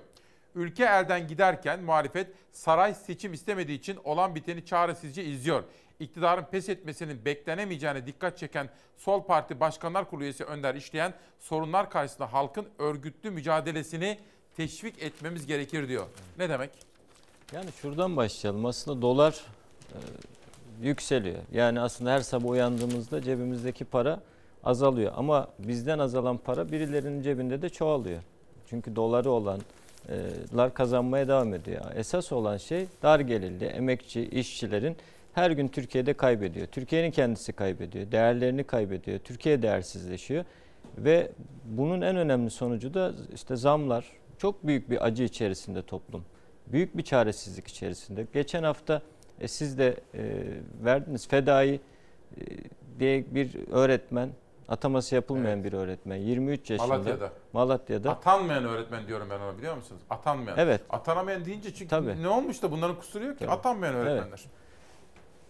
hayatını kaybetti ama binlerce genç böyle, on binlerce genç böyle. Yani biz emekçi çocuklarıyız. Zar, zar zor üniversiteyi bitiriyor emekçi çocukları ve bir meslekle hayata tutunmaya çalışıyor. Bütün bu imkan ortadan kalkmış durumda. Bütün nüyle bir geleceksizlik var. Sadece gençler için değil. Köylü ürettiğinin karşılığını alamıyor. İşçi iş bulamıyor artık. Ya böyle çok büyük bir sorun yumağı içerisinde Türkiye. Bunun için önümüzdeki süreçte bizim hep beraber bu iktidara bir kere son verme mücadelesini yürütmemiz lazım. Türkiye'yi bu tepesindeki kötülükten gerçekten kurtarmak gerekiyor. Ama şunu ifade etmeye çalışıyoruz. O kadar büyük sorunları var ki Türkiye'nin. Sadece çok önemli bir şey Türkiye'nin bu iktidardan kurtulması, değişmesi ama sadece onunla başarılamaz. Halkın kendi talepleriyle örgütlü bir mücadelesinin önümüzdeki süreçte çok ihtiyacı var. Çünkü Türkiye'nin bakın bütün her şey özelleştirildi. Şimdi yoksulluk var mı diyoruz ama şöyle zaten yoksullaştı Türkiye. E, var olan para da ki bazılarına doğru gidiyor. Yani kamunun birikimleri özel iktidarın etrafındakilere doğru akıyor. Bunun bir avuç müteahhit var mesela. Bir avuç müteahhiti akıyor. Bütünüyle oralara gitmiş durumda. Yoksa ülkenin kaynağı yok değil, ülkenin parası yok değil. E bütün bu kaynaklar bir avuç dediğiniz gibi müteahhite akıyor. Bir avuç harami akıyor diyelim. E, toplumun bunun karşısında e, gerçekten örgütlü mücadelesiyle taleplerini ortaya koyarak hakları için mücadele ettiği bir bilinci geliştirmemiz, teşvik etmemiz gerekiyor. O yüzden söylüyoruz yani yeterince beklersek her şey bizim için güllük gülistanlık olacak diyen bir muhalefet anlayışı doğru değil. Yeterince örgütlenirsek, yeterince birleşirsek, yeterince mücadele edersek, haklarımız için hep birlikte e, bunu almak için mücadele edersek biz kazanabiliriz. Yoksa kimse Türkiye emekçilerine hiçbir şey bahşetmez. Ne değişirse değişsin sonunda değişmeyen şey Türkiye emekçilerinin, işçilerinin, köylülerinin e, yaşadığı eziyet değişmez. Şimdiye kadar da bu değişmedi. Bunu değiştirmemiz gerektiğini e, aslında ifade etmeye çalışıyoruz. Örgütlü mücadeleyi geliştirmeye uğraşıyoruz. Çünkü hakikaten bakın enerji altyapısı yok Türkiye'nin. Özelleştirildi. Ulaşım altyapısı yok. Özelleştirildi. En stratejik kurumlar e, özelleştirildi. E, bütün bunların kamulaştırılması, bütün bunların geri alınması, halktan alınan ne varsa, kime aktarıldıysa geri alınması mücadelesi devrim niteliğinde bir dönüşüme Türkiye'nin ihtiyacı var. Bu da ancak geleceği kuracak örgütlü bir halk muhalefetini e, ihtiyacıyla karşılanabilir diye düşünüyoruz. Peki şimdi buna devam edelim. Bugün Soner Yalçın da sol Hı-hı. neden başarısız diyor. Şimdi bu kadar yoksulluk, bu kadar gelir dağılımı, adaletsizliği, sosyal sorunlar ve yaralar varken Hı-hı. normalde bir ana muhalefet partisinin böyle değil mi? Yani evet. mesela bugün biz AK Parti eridi diyoruz. Eridiği %30'lar. Evet. Şimdi CHP yükseldi diyorlar. CHP'nin yükseldiği yüzde hadi diyelim 30'a ulaşırsa. 25 bandında falan. Böyle olmaması gerektiğini bize hatırlatıyor Hı-hı. Soner Yalçın. Solla ilgili bir yazı var ama önce biz bir taraftan da sesini duyurmaya çalışanların sesi olmaya çalışıyoruz Önder Bey. Emeklilikte yaşa takılanlar. Ben her zaman söylüyorum. Seçimlere doğru giderken iktidar size bakacak, halkın nabzını ölçecek ve sonuçlara ilişkin bir takım öngörülerde bulunacak ve bu öngörüler, bu sizin göstereceğiniz halkın nabzı EYT'nin kaderini belirleyecek. Hemen başlayalım. İlgili komisyonu toplayalım. Bugün komisyondan geçirelim. Yarın 5 partinin ortak rızasıyla 48 saati beklemeden buna iş düşük imkan veriyor. Hemen meclise getirelim ve emeklilikte yaşa takılanlar emekli olsunlar. Samimiyseniz bugünden tezi yok bu işi yarından öteye de bırakmayalım. Şimdi acaba sol parti ne diyor? Şimdi bu 3600 ek gösterge Hı. meselesi var. Emeklilikte yaşa takılanlar hatta staj yapanlar var. Mesela benim kardeşim de onlardan biri. Küçücük yaşta Hı. çıraklığa gidiyorlar onlar. Hı. Çalışıyorlar aslında devletimiz de kabul ediyor. Hı. Fakat onların da aslında hak mağduriyeti var. Emek, emek kutsal değer Hı. değil mi? EYT EYT'liler hakikaten önemli. Biraz önce anlattığım şeyi yapıyorlar. Hakları için sokaktalar. Hakları için mücadele ediyorlar. Birleştiler ve kazanacaklar. Yani başka bir yolu kalmamış durumda Ben de inanıyorum. Kimsenin. Ben evet, de inanıyorum. yani bu mücadeleyi onlarla birlikte, onların mücadelesi kazanacak. Bütün topluma da örnek olması gerekir. Herkes bu şekilde hakkını ararsa, örgütlenirse, sokağa çıkar, sesini yükseltirse böyle hak kazanılabilir. Bunu göstermesi açısından da çok önemli. Çünkü hakikaten Türkiye'de Emekçilerin örgütlülüklerini ezdiler. Sendikaları ezdiler. Örgütlenmenin önüne her tür engeli koydular ve Türkiye sermayenin için bir cennet, emekçiler, yoksullar içinse bir cehenneme döndü. Hani bir piyasa düzeni, altta kalanın canı çıksın. Hakikaten Türkiye'de gerçek manada Türkiye emekçilerinin canı çıkıyor. Ee, bir feryat var. Artık yeter diyen bir feryadı biz bu dönem içerisinde bütün her kesimden Bunu görüyorsunuz değil mi? Her kesimden. Artık yeter. Yani zamma yeter, kibirlerine yeter. E, bu zulme yeter, bu toplumun çektiği acıya yeter e, sesini bu yükseltiyoruz. Örgütlü toplum dediniz ya, geçtiğimiz gün gündem çalışmamızı yaparken çok sevindik. Bravo onlara dedik. Somalı, Hı. madenciler, emekçiler onlar da haklarını Uzun mücadele ettiler ama kazanıyorlar şimdi. Almaya başladılar. Neyse ki. Bakın biz her sabah Önder Bey bizi izleyebiliyor musunuz? Evet izliyorum. İzliyor musunuz? Olabildiğince izlemeye Aileniz anne baba Ordu'da mı? Ee, annem Ordu'da. Anneniz Ordu'da mı? İzliyor mudur bizi? İzliyordur. Adı ne? Fatma. Fatma Hanım'a da buradan selamlar söyleyelim. Bak şimdi biz her sabah izleyenlerimizin sorularını da soruyoruz. Ben size sorayım, yönelteyim. Hakan Barış Tılfarlıoğlu. Günaydın İsmail Bey. Bir sorar mısın? Bu devlet neden insanlara yardım etmekten aciz? Şimdi devletimiz aciz değil aslında. Vatandaşlara da yardım yapıyor. Fakat şunu söyleyeyim. EYT olsun, 3600 olsun ya da asgari ücretin yukarılara çıkarılması olsun. Kaynağımız yeterince var mı diye sorayım size. Önce şuradan başlayayım İsmail Bey. Yardım değil, hakkı insanların. Ya bu ülkedeki bütün bu birikim, bütçe dediğimiz, şimdi tek kişinin karar verdiği bu para nereden geliyor? İnsan ver ödediğimiz vergilerden. Yani ne kadar vergi ödediğimiz de belli değil. Yani sokağa çıktığımız andan itibaren vergi ödüyoruz. Burada birikiyor. Ve bizim haklarımız var. Bütün bunlar tırpanlandı. Ne tırpanlandı? Yani eğitimin parasız olması lazım. İşte pandeminin içerisinden geçtik. Parası olmayan tedavi olamıyor. E, parası olmayan ölümle yüz yüze kalıyor. E, sağlıktan para kazanılmaması lazım. Bütün bu kamucu hizmetler ortadan kaldırıldı. Dolayısıyla zaten sosyal bir devletin, sosyal bir cumhuriyetin yeniden kurulması gerekir ki Türkiye'nin kaynağı yok değil. Yani bazı paraların nereden nereye gittiğini söylüyorlar. Biz o paraları hesaplayamıyoruz. Yani e, birinin cebinden birinin cebine gidiyor. Bu ne büyük para diyoruz. Çünkü Türkiye'nin gerçekten e, bütün üretim damarları kesilmiş olmasına rağmen, fabrikaları kapatılmış olmasına rağmen, toprağı artık üretilemez hale getirilmiş olmasına rağmen Türkiye'de çok büyük bir kaynak var ama birilerinin cebine akıyor. Bir de mesela esnaf. Bak Önder Bey.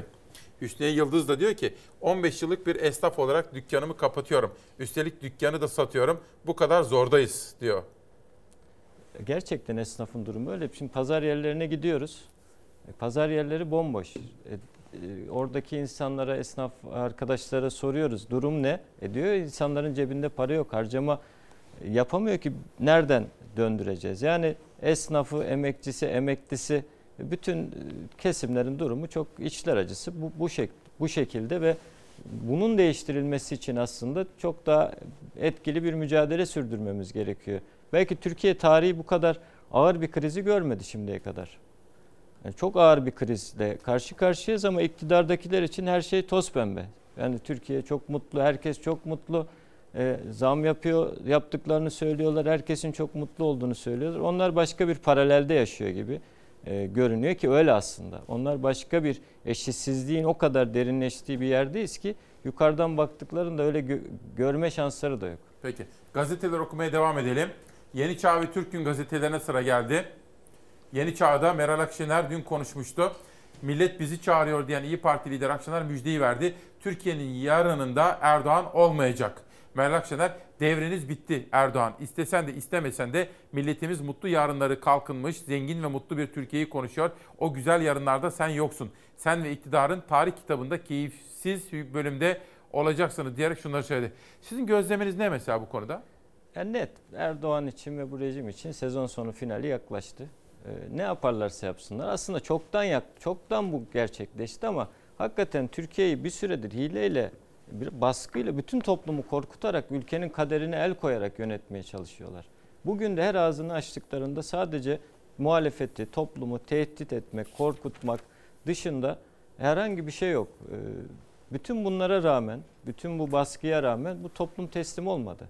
Bu memlekete sahip çıkma iradesini hiç kaybetmedi ve gelinen aşamada hakikaten sezon sonu finaline doğru gidiyor Türkiye ve ne yaparlarsa yapsınlar bunu engelleyemeyecekler. Çünkü toplumdaki bu birikmiş e, öfke toplumun değişim talebi çok büyük e, ve bunun önünde duramazlar. Bunu bizim hep beraber başarmamız gerekiyor. Asıl mesele bu. Memleketimize karşı, Türkiye emekçi halklarına karşı sorumluluğumuz bunu başarmamız. Bu ülkeyi bu krizden çıkarmamız ve bu iktidardan kurtarmamız. Bir de esnaf demiştik ya izleyenim de sormuştu.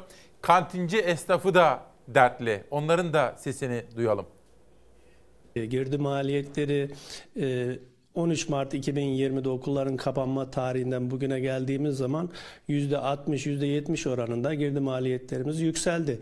Alınan ürünler olsun, işçilik maliyetleri olsun, elektrik, su, bütün giderler katlanarak arttı maalesef.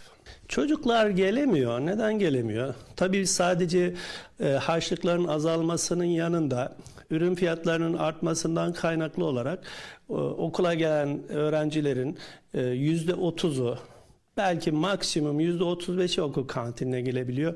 Maalesef birçoğu bu zamlardan dolayı okul kantinine uğramıyor. Okul kantinin yolunu bile unutmuş durumda. Tabii ki biz artırmadık derken bizim e, kar marjımızda bir artış olmadı. E, son iki ayda bile şu okulların açıldığı süreçte Eylül-Ekim ayında bile firmalarda üç defa zam geçişi yaptı.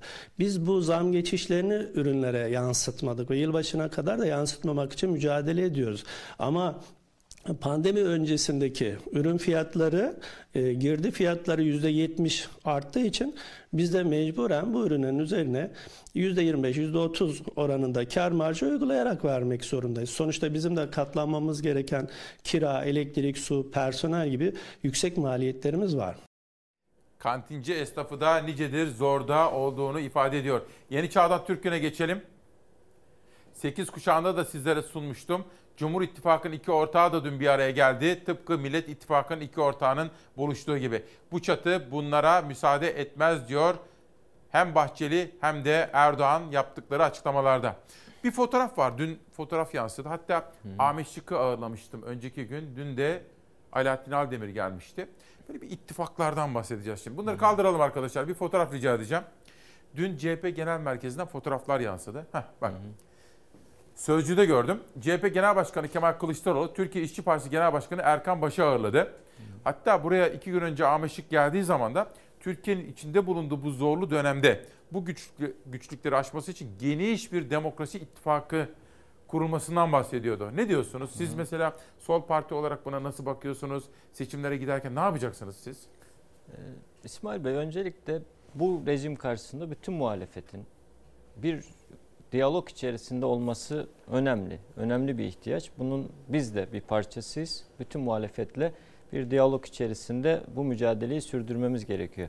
Önümüzdeki dönemin seçim dediğimiz şeyin belki karakterini iyi ortaya koymamız gerekir. Önümüzde bir seçim değil aslında bize göre bir referandum var. Yani bu rejimin devamına ya, karar vereceğimiz bir referandum var. Yani bu rejime hayır diyecek bir çizginin izlenmesi lazım. Dolayısıyla burada en geniş muhalefetin, bu rejime hayır diyen en geniş muhalefetin bir ortak çabasıyla bu rejime son verilmesi. Türkiye'nin bu rejimden artık e, ucube mi diyelim yani bütünüyle sakat bu rejimden kurtulması gerekiyor. Bunun için dediğim gibi bir ortak mücadele ve seferberlik gerekiyor. Ama e, burada önemli olan şu şey değil. Yani kimin nerede olduğu, kimin bu buradan nerede yer alacağı meselesi değil. Hakikaten hepimizin şöyle bakması lazım. Önümüzdeki mesele memleket meselesi. Sol partiden de herhangi bir partiden de herhangi bir kişinin bir yerde bürokrat olmasından da vekil olmasından da şu olmasından da bu olmasından da daha önemli olan şey bu memleketin bu kötülükten kurtulması. O yüzden biz olanca devrimciliğimizle bu memleketi geri alma mücadelesini bir parçasıyız, sürdüreceğiz. Ama bunun yanında şunu da söylüyoruz açıkça bu yetmez.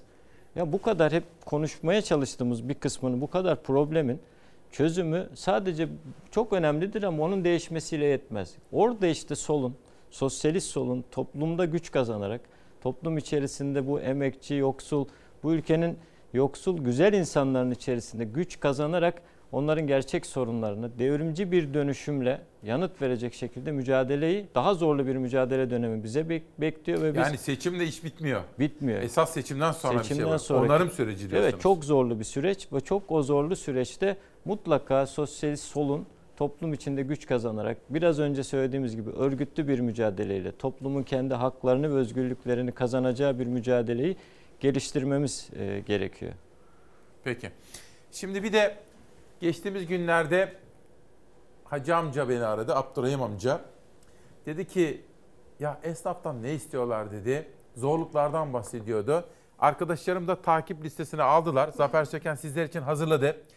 Döviz büfeleriyle ilgili alınan o kararda küçük de olsa bir esnemeye gidildi. 1 dolar bile bozursanız kimlik ibra etmek zorundasınız ve biz almakla yükümlüyüz. Bu düzenlemeye tepki gösterip kepenk indirmişlerdi. Döviz bürosu işletmecilerin tepkileri yankı buldu. Hazine ve Maliye Bakanlığı düzenlemede gevşemeye gitti. Kimlik tespiti 100 dolar ve üzerindeki döviz işlemleri için şart olacak. itibariyle döviz bürolarının kepenkleri kapatıldı. Hazine ve Maliye Bakanlığı döviz bürolarının çalışma düzenine ilişkin yönetmelikte değişiklikler yaptı. 12 Ekim'de getirilen düzenlemeyle 1 dolar dahi alım ya da satış yapılsa kimlik tespiti zorunlu hale gelmişti. Döviz büroları getirilen düzenlemeye tepki gösterdi. 4 Kasım'da tüm Türkiye'de kısa süreliğine kepenk indirdi. Düzenlemeyi protesto etti. Tüm sektör sektör e, tüm Türkiye'de aynı anda kepenklerini indirdi. Almadığımız takdirde e, tebliğ de öyle diyor ki direkt kapatırım. Hukukta şu var. Önce uyarı, sonra kınama, sonra para cezası, sonra yetki iptali. Yani 3 madde es geçilerek direkt sona gelinmiş oluyor. Kimlik tespiti zorunluluğunda gevşemeye gidildi gece saatlerinde. Hazine ve Maliye Bakanlığı'nın yeni tebliği resmi gazetede yayınlandı. Yeni düzenlemeye göre 100 dolar ve üstündeki döviz alım satımları için kimlik tespiti şart olacak. 100 doların altındaki alım satımlarda kimlik istenmeyecek. Peki bir taraftan Merkez Bankası'nın kararını bekliyoruz efendim. Gözümüz kulağımız Merkez Bankası'na bir taraftan Türkiye'nin sorunlarını konuşuyoruz. Bu manşetten sonra Bahattin Yücel'in bir tweet'i vardı. Halk TV'de tip Genel Başkanı Erkan Baş CHP sol ile de ittifak yapmalı diyor. Şimdi Kılıçdaroğlu'nun yaptığı çağrı enteresan. Bugün çok sayıda yazar, mesela Zeynep Altok Akatlı da yazmış. Çok sayıda yazar da var günlerdir. Hı hı. Helalleşme. Bir taraftan bir helalleşme var. Evet. Önce onu sorayım. Ne hissettirdi size, ne düşündürdü? Yani Türkiye'deki birikmiş sorunlar karşısında aslında açıkladı daha sonra birikmiş sorunlar karşısında e, bu, buna dönük, e, geçmişe de dönük bir e, muhasebe yapıp Türkiye'yi barıştırma gibi bir ekseni var. Şimdi bizim şöyle bir şey tercih ediyorum. Türkiye buraya nasıl geldi? Yani bu ülke Cumhuriyet'in bütün kurumları kapatıldı bakın Cumhuriyet'in. Bütün ilerici birikimleri tasfiye edildi. Laiklik tasfiye edildi. Ortada aslında bildiğimiz manada Cumhuriyet kalmadı. Bu nasıl Türkiye Erozyona uğradı diyeyim değil mi? Evet yani. Mesela laiklik kavramı erozyona uğratıldı tabii, değerleri Türkiye'de. ortadan kaldırıldı ve giderek de tırpalan, tırpalanmaya devam ediliyor. Buraya Türkiye nasıl geldi? Yani biraz buna bakarak Türkiye buradan nasıl çıkacak sorusuna buraya nasıl geldik? Yani bakın işkenceci artıkları diyeyim çıkıp televizyonları işkence anlatıyorlar. Türkiye'de örümcilerine yaptıkları işkenceleri anlatıyorlar. Türkiye'nin bugünkü karanlığa teslim olması, emperyalizme teslim edilmiş olması 40'lardan bu yana gelen bütün bu süreçlerde darbelerin içerisinde de Amerikancılıkla ve onun işbirlikçiliğiyle hesaplaşmayan bir e, dönüşüm sürecini gerçekleştiremeyiz. Bakın bugün Türkiye'nin biz mitinglerde de söylüyoruz. Türkiye işgal altında diyoruz. Karadeniz işgal altında diyoruz. Çünkü her taraf emperyalist tekellerin eline geçmiş. Tarım tümüyle emperyalist tekellerin, yani şirketlerin kapitalist devler geldiler. Evet. On... Mesela fındığımızı bilmem kim isim vermiyorum ama evet. değil mi tütünümüzü bir başkası. Hepsi böyle şeylerin eline geçti. E bütün yeraltı yerüstü kaynakları bu şekliyle yağmalanıyor Türkiye'nin. E bunun karşısında gerçekten çık buradan çıkmak için bunlarla hesaplaşılması lazım. Biraz önce söyledik. Türkiye'nin bütün kaynakları işte yol, köprü derken birilerinin cebine gitti. Bunların geri alınması lazım. Biz şunu açıkça söylüyoruz. Kapattıkları fabrikaları açmak zorundayız. Kime ne verdilerse geri almak, kamulaştırmak zorundayız. Böyle bir radikal dönüşüm programına, devrimci dönüşüm programına Türkiye'nin ihtiyacı var. Bu manada Türkiye'nin önümüzdeki süreci kolay değil derken böyle bir mücadeleyi de işaret ediyoruz ve bütün Türkiye tarihinin içerisinden geçerken Türkiye'yi buraya getiren süreçlerle biz hesaplaşalım. Hangi katliamlardan geçtik? Maraşlardan geçti Türkiye, Sivaslardan geçti. Bunlarla hesaplaşalım, sorumlularıyla hesaplaşalım. Arkasındaki zihniyetle hesaplaşalım. Türkiye hmm. çünkü... E, yani siz diyorsunuz ki helalleşirken evet. bir taraftan hesaplaşma da olsun. Evet Öyle Türkiye tarihinin bu gerçekleriyle yüzleşelim. Yüzleşelim, yüzleşelim ve Türkiye'yi buradan çıkaracaksak bunun arkasındaki Türkiye'yi buraya getiren sürecin arkasında hangi güçler, hangi dinamikler var? Nasıl sürüklendi Türkiye buraya?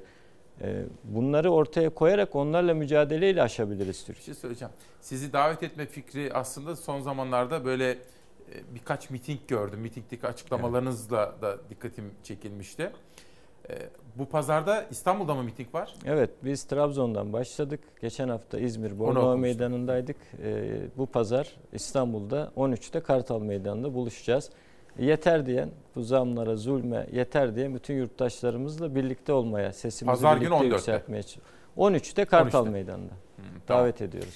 Şimdi bir de bu nedir acaba? Bu ne menen bir şeydir? CHP lideri Kılıçdaroğlu bir açıklama yaptı ve gündem oldu. Acaba bu helalleşme dediği ne ola? 28 Şubatçıların açtığı yaraları kapatıp başı kapalı kızlarımızla helalleşeceğiz. Ey Bay Kemal sen önce bu başörtülük bacılarından git helallik dile. Utanmadan, sıkılmadan kalkıyorsun diyorsun ki onların hukukunu biz koruduk. Neyi korudum ben? Hayatın yalan. Gel de gör bakalım. Kemal Kılıçdaroğlu başörtülü gençlerle nasıl helalleşiyor? Koşuyorlar geliyorlar, destekliyoruz diyorlar. Türkiye'deki bütün başörtüleri kendi doğal seçmeni arka bahçesi, baş tekçisi gören bu şizofrenik halden kurtulsun artık AK Partili siyasetçiler. Yok öyle bir şey. İktidara geliyoruz. Helalleşeceğiz dostlarım. Helalleşeceğiz. CHP Genel Başkanı Kemal Kılıçdaroğlu'nun uzun helalleşme listesinin ilk başındaydı. 28 Şubat yaraları ve başı kapalı öğrenciler. Bahçeli'den sonra Erdoğan'ın da hedefindeydi CHP'nin helalleşme adımı. Tabii yerseniz. Her tarafı lime lime dökülen bu bukalemun siyasetini milletimizin takdirine havale ediyoruz. Bu söylediklerimi strateji zannediyor. Ne stratejisi? Roboski ile helalleşeceğiz. Ali İhsan Korkmaz'ın ailesiyle helalleşeceğiz. Soma ile helalleşeceğiz.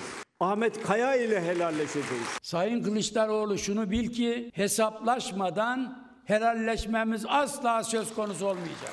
Kendini kırgın küstü hisseden herkesle helalleşiyoruz, kucaklaşıyoruz. Bu da size dert olsun Recep Tayyip Erdoğan. Cumhur İttifakı iki koldan CHP'nin helalleşme adımını hedefe oturttu. CHP ise helalleşme mi hesaplaşma mı eleştirilerinin ortasında kaldı. Helallik alınması gereken kim varsa onlardan helalliği almak Sayın Genel Başkan'a ve ittifak ortaklarımıza nasip olacaktır. Kimse bunu asla ve asla bir hukukun üstünde norm yaratmak olarak değerlendirmez. Hukukla helalleşmeyi karıştırmamak lazım. CHP ile Cumhur İttifakı arasında son tartışma helalleşme üzerinden sert başladı. Şimdi peki hedefimiz şimdi sizlerden gelen mesajları görüyorum da rica ederim bu bizim görevimiz. Ne kadar güzel diyor ne kadar akıllıca böyle farklı kesimlere söz hakkı veriyorsun. Öyle görün istiyorum tanışın istiyorum. Çünkü demokratik cumhuriyet bizim hedefimiz bu. Cumhuriyet tek başına yetmez ki. Atamıza layık olmak için Atatürk'e demokrasiyle taşlandıracağız onu. Bakın Türkiye'de demokrasinin gelişim süreci Nizamettin Aydoğdu bana yazmış göndermiş kendisine teşekkür ediyorum. Bu arada çevre konuları çok önemli Önder Bey. Siyaset, çevre, insan. Aile Gürpınar'dan gelmiş. Bodrum'dan anlamak, tanıklık.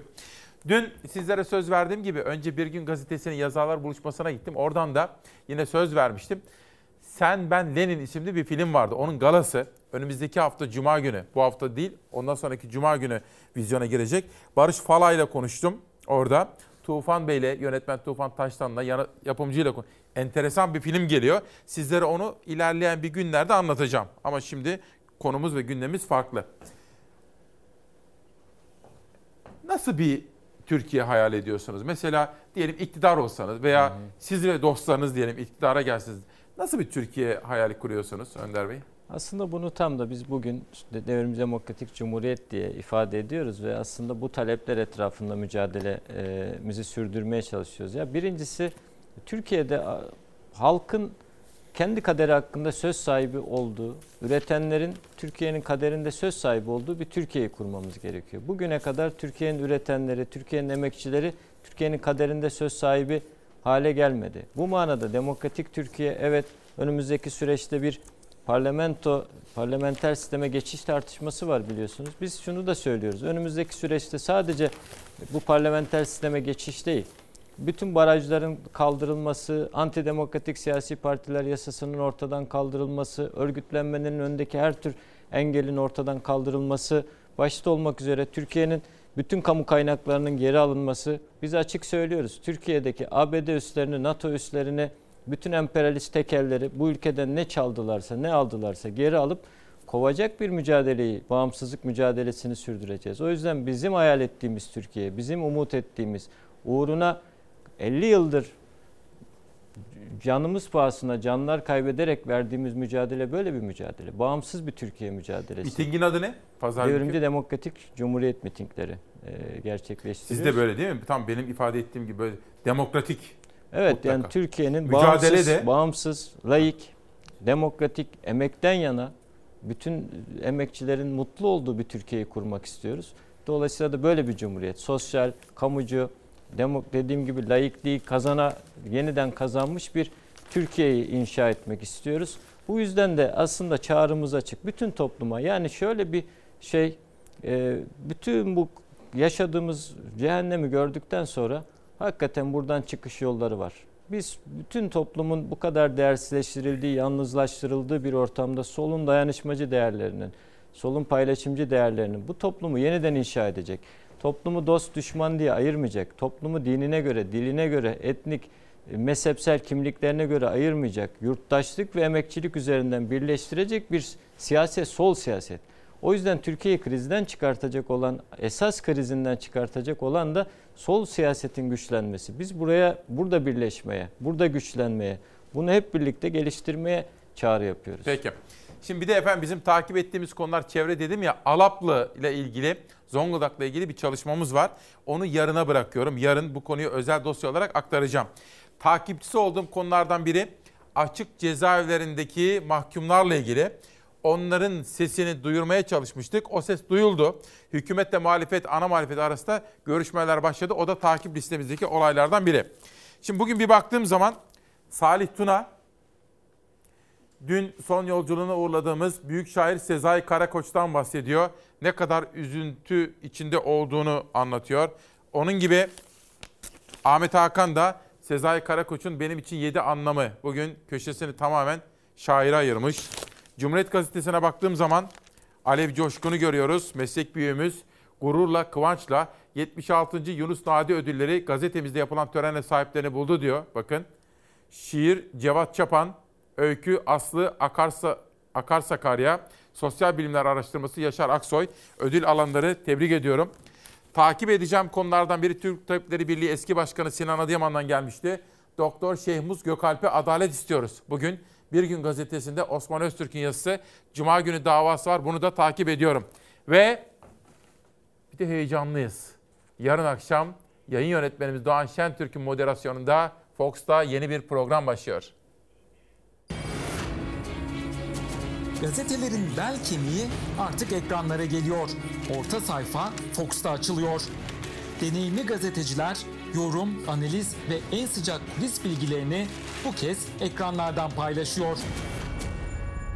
Ama artık Ankara'da olan Ankara'da kalmayacak. Meclisin odalarında, siyasi partilerin koridorlarında konuşulanlarla, diplomasinin kapalı defterlerinde yazılanlar orta sayfada olacak. Fox Haber Genel Yayın Yönetmeni Doğan Şentürk, gazeteciler Murat Yetkin, Çiğdem Toker, Nevşin Mengü ve Deniz Zeyrek'le birlikte orta sayfayı yeniden yazmaya başlıyor. Orta sayfa canlı yayınla yarın akşam Fox'ta. Reytingi bol olsun programımızın. Çok prestijli isimler var efendim öyle değil mi? Her biri çok kıymetli gazeteci arkadaşlarım, meslektaşlarım. Erol Başaran Bural Sosyal Medya İstihbaratı isimli kitabını göndermiş sağ olsun. Türkan Vardan Baydar.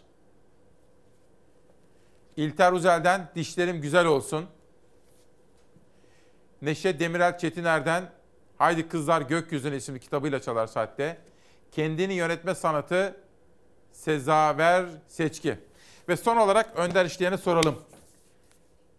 Bir dakikada Türkiye hayalinizi nasıl anlatırsınız? Şöyle söyleyeyim. Gerçekten umut et, etmek, umut etsin insanlar. Çünkü Türkiye bu karanlıkta kalmayacak. Türkiye, memleket bu karanlıkta kalmayacak. Güneşli bir şafağı bu ülkeyi hep birlikte çıkartacağız. Bir kere bunun için mücadele sözünü burada bir kez daha veriyoruz. Biz sokak sokak umudu ve cesareti örgütlüyoruz ve bu umut ve cesaretin Türkiye'yi aydınlığa çıkartacağına inanıyoruz ve şuna da inancımız tam önümüzdeki dönemde Türkiye'nin söylediğim gibi daha adil, daha eşit, e, bağımsız, demokratik bir ülkeye dönüştürülmesini de hep birlikte başaracağız. O yüzden tekrar e, umut ve cesarete e, çağırıyoruz. Çok teşekkür ediyorum. Ben çok teşekkür ben de sizi ederim. kutluyorum. Bu genç yaşta siyasete atıldığınız ve böylesine sorumluluk üstlendiğiniz için ve katılımcı demokrasiye katkı verdiğiniz için kutluyorum. Ekrem İmamoğlu'nun bir tweetini gördüm. Bu da benim takip ettiğim olaylardan biriydi. Ekrem İmamoğlu bu konuda topa girdi, iyi yaptı.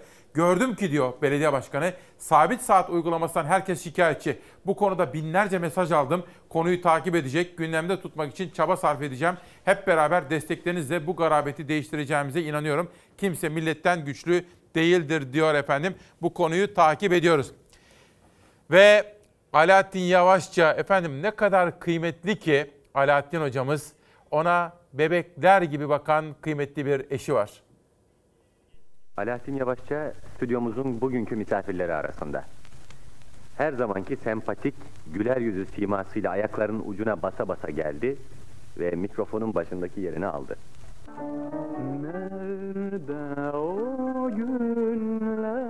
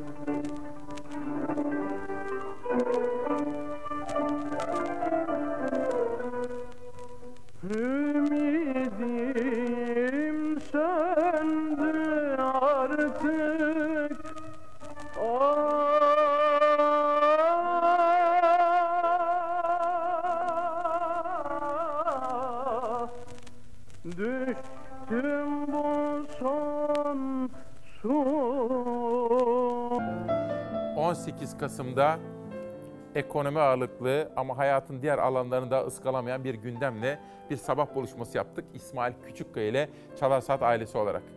Emekleri için bütün ekip arkadaşlarıma da teşekkür ediyorum. Bugün de bana Yunus kardeşim ve İsmail abim orada. Onlara da teşekkür ediyorum. Tek tek bütün ekip arkadaşlarıma teşekkür etmeye çalıştığım gibi. İsa Eşme, yarım kalan aydınlanma atılımı köy enstitüleri. İstanbul Kültür Üniversitesi yayınlarından çıkmış, bana göndermişler. Teşekkür ediyorum. Ve Profesör Doktor Kadir Çüçen, İnsan Hakları isimli çalışmasında bize göndermiş. Ve Elif Sofya Pençe. Sorunlarımız ağaç kökleri kadar toprağa sıkı sıkıya tutunmaya başlamadı daha. Başlamadık saymaya günlerin geçişini takvimlere bakmadan hala.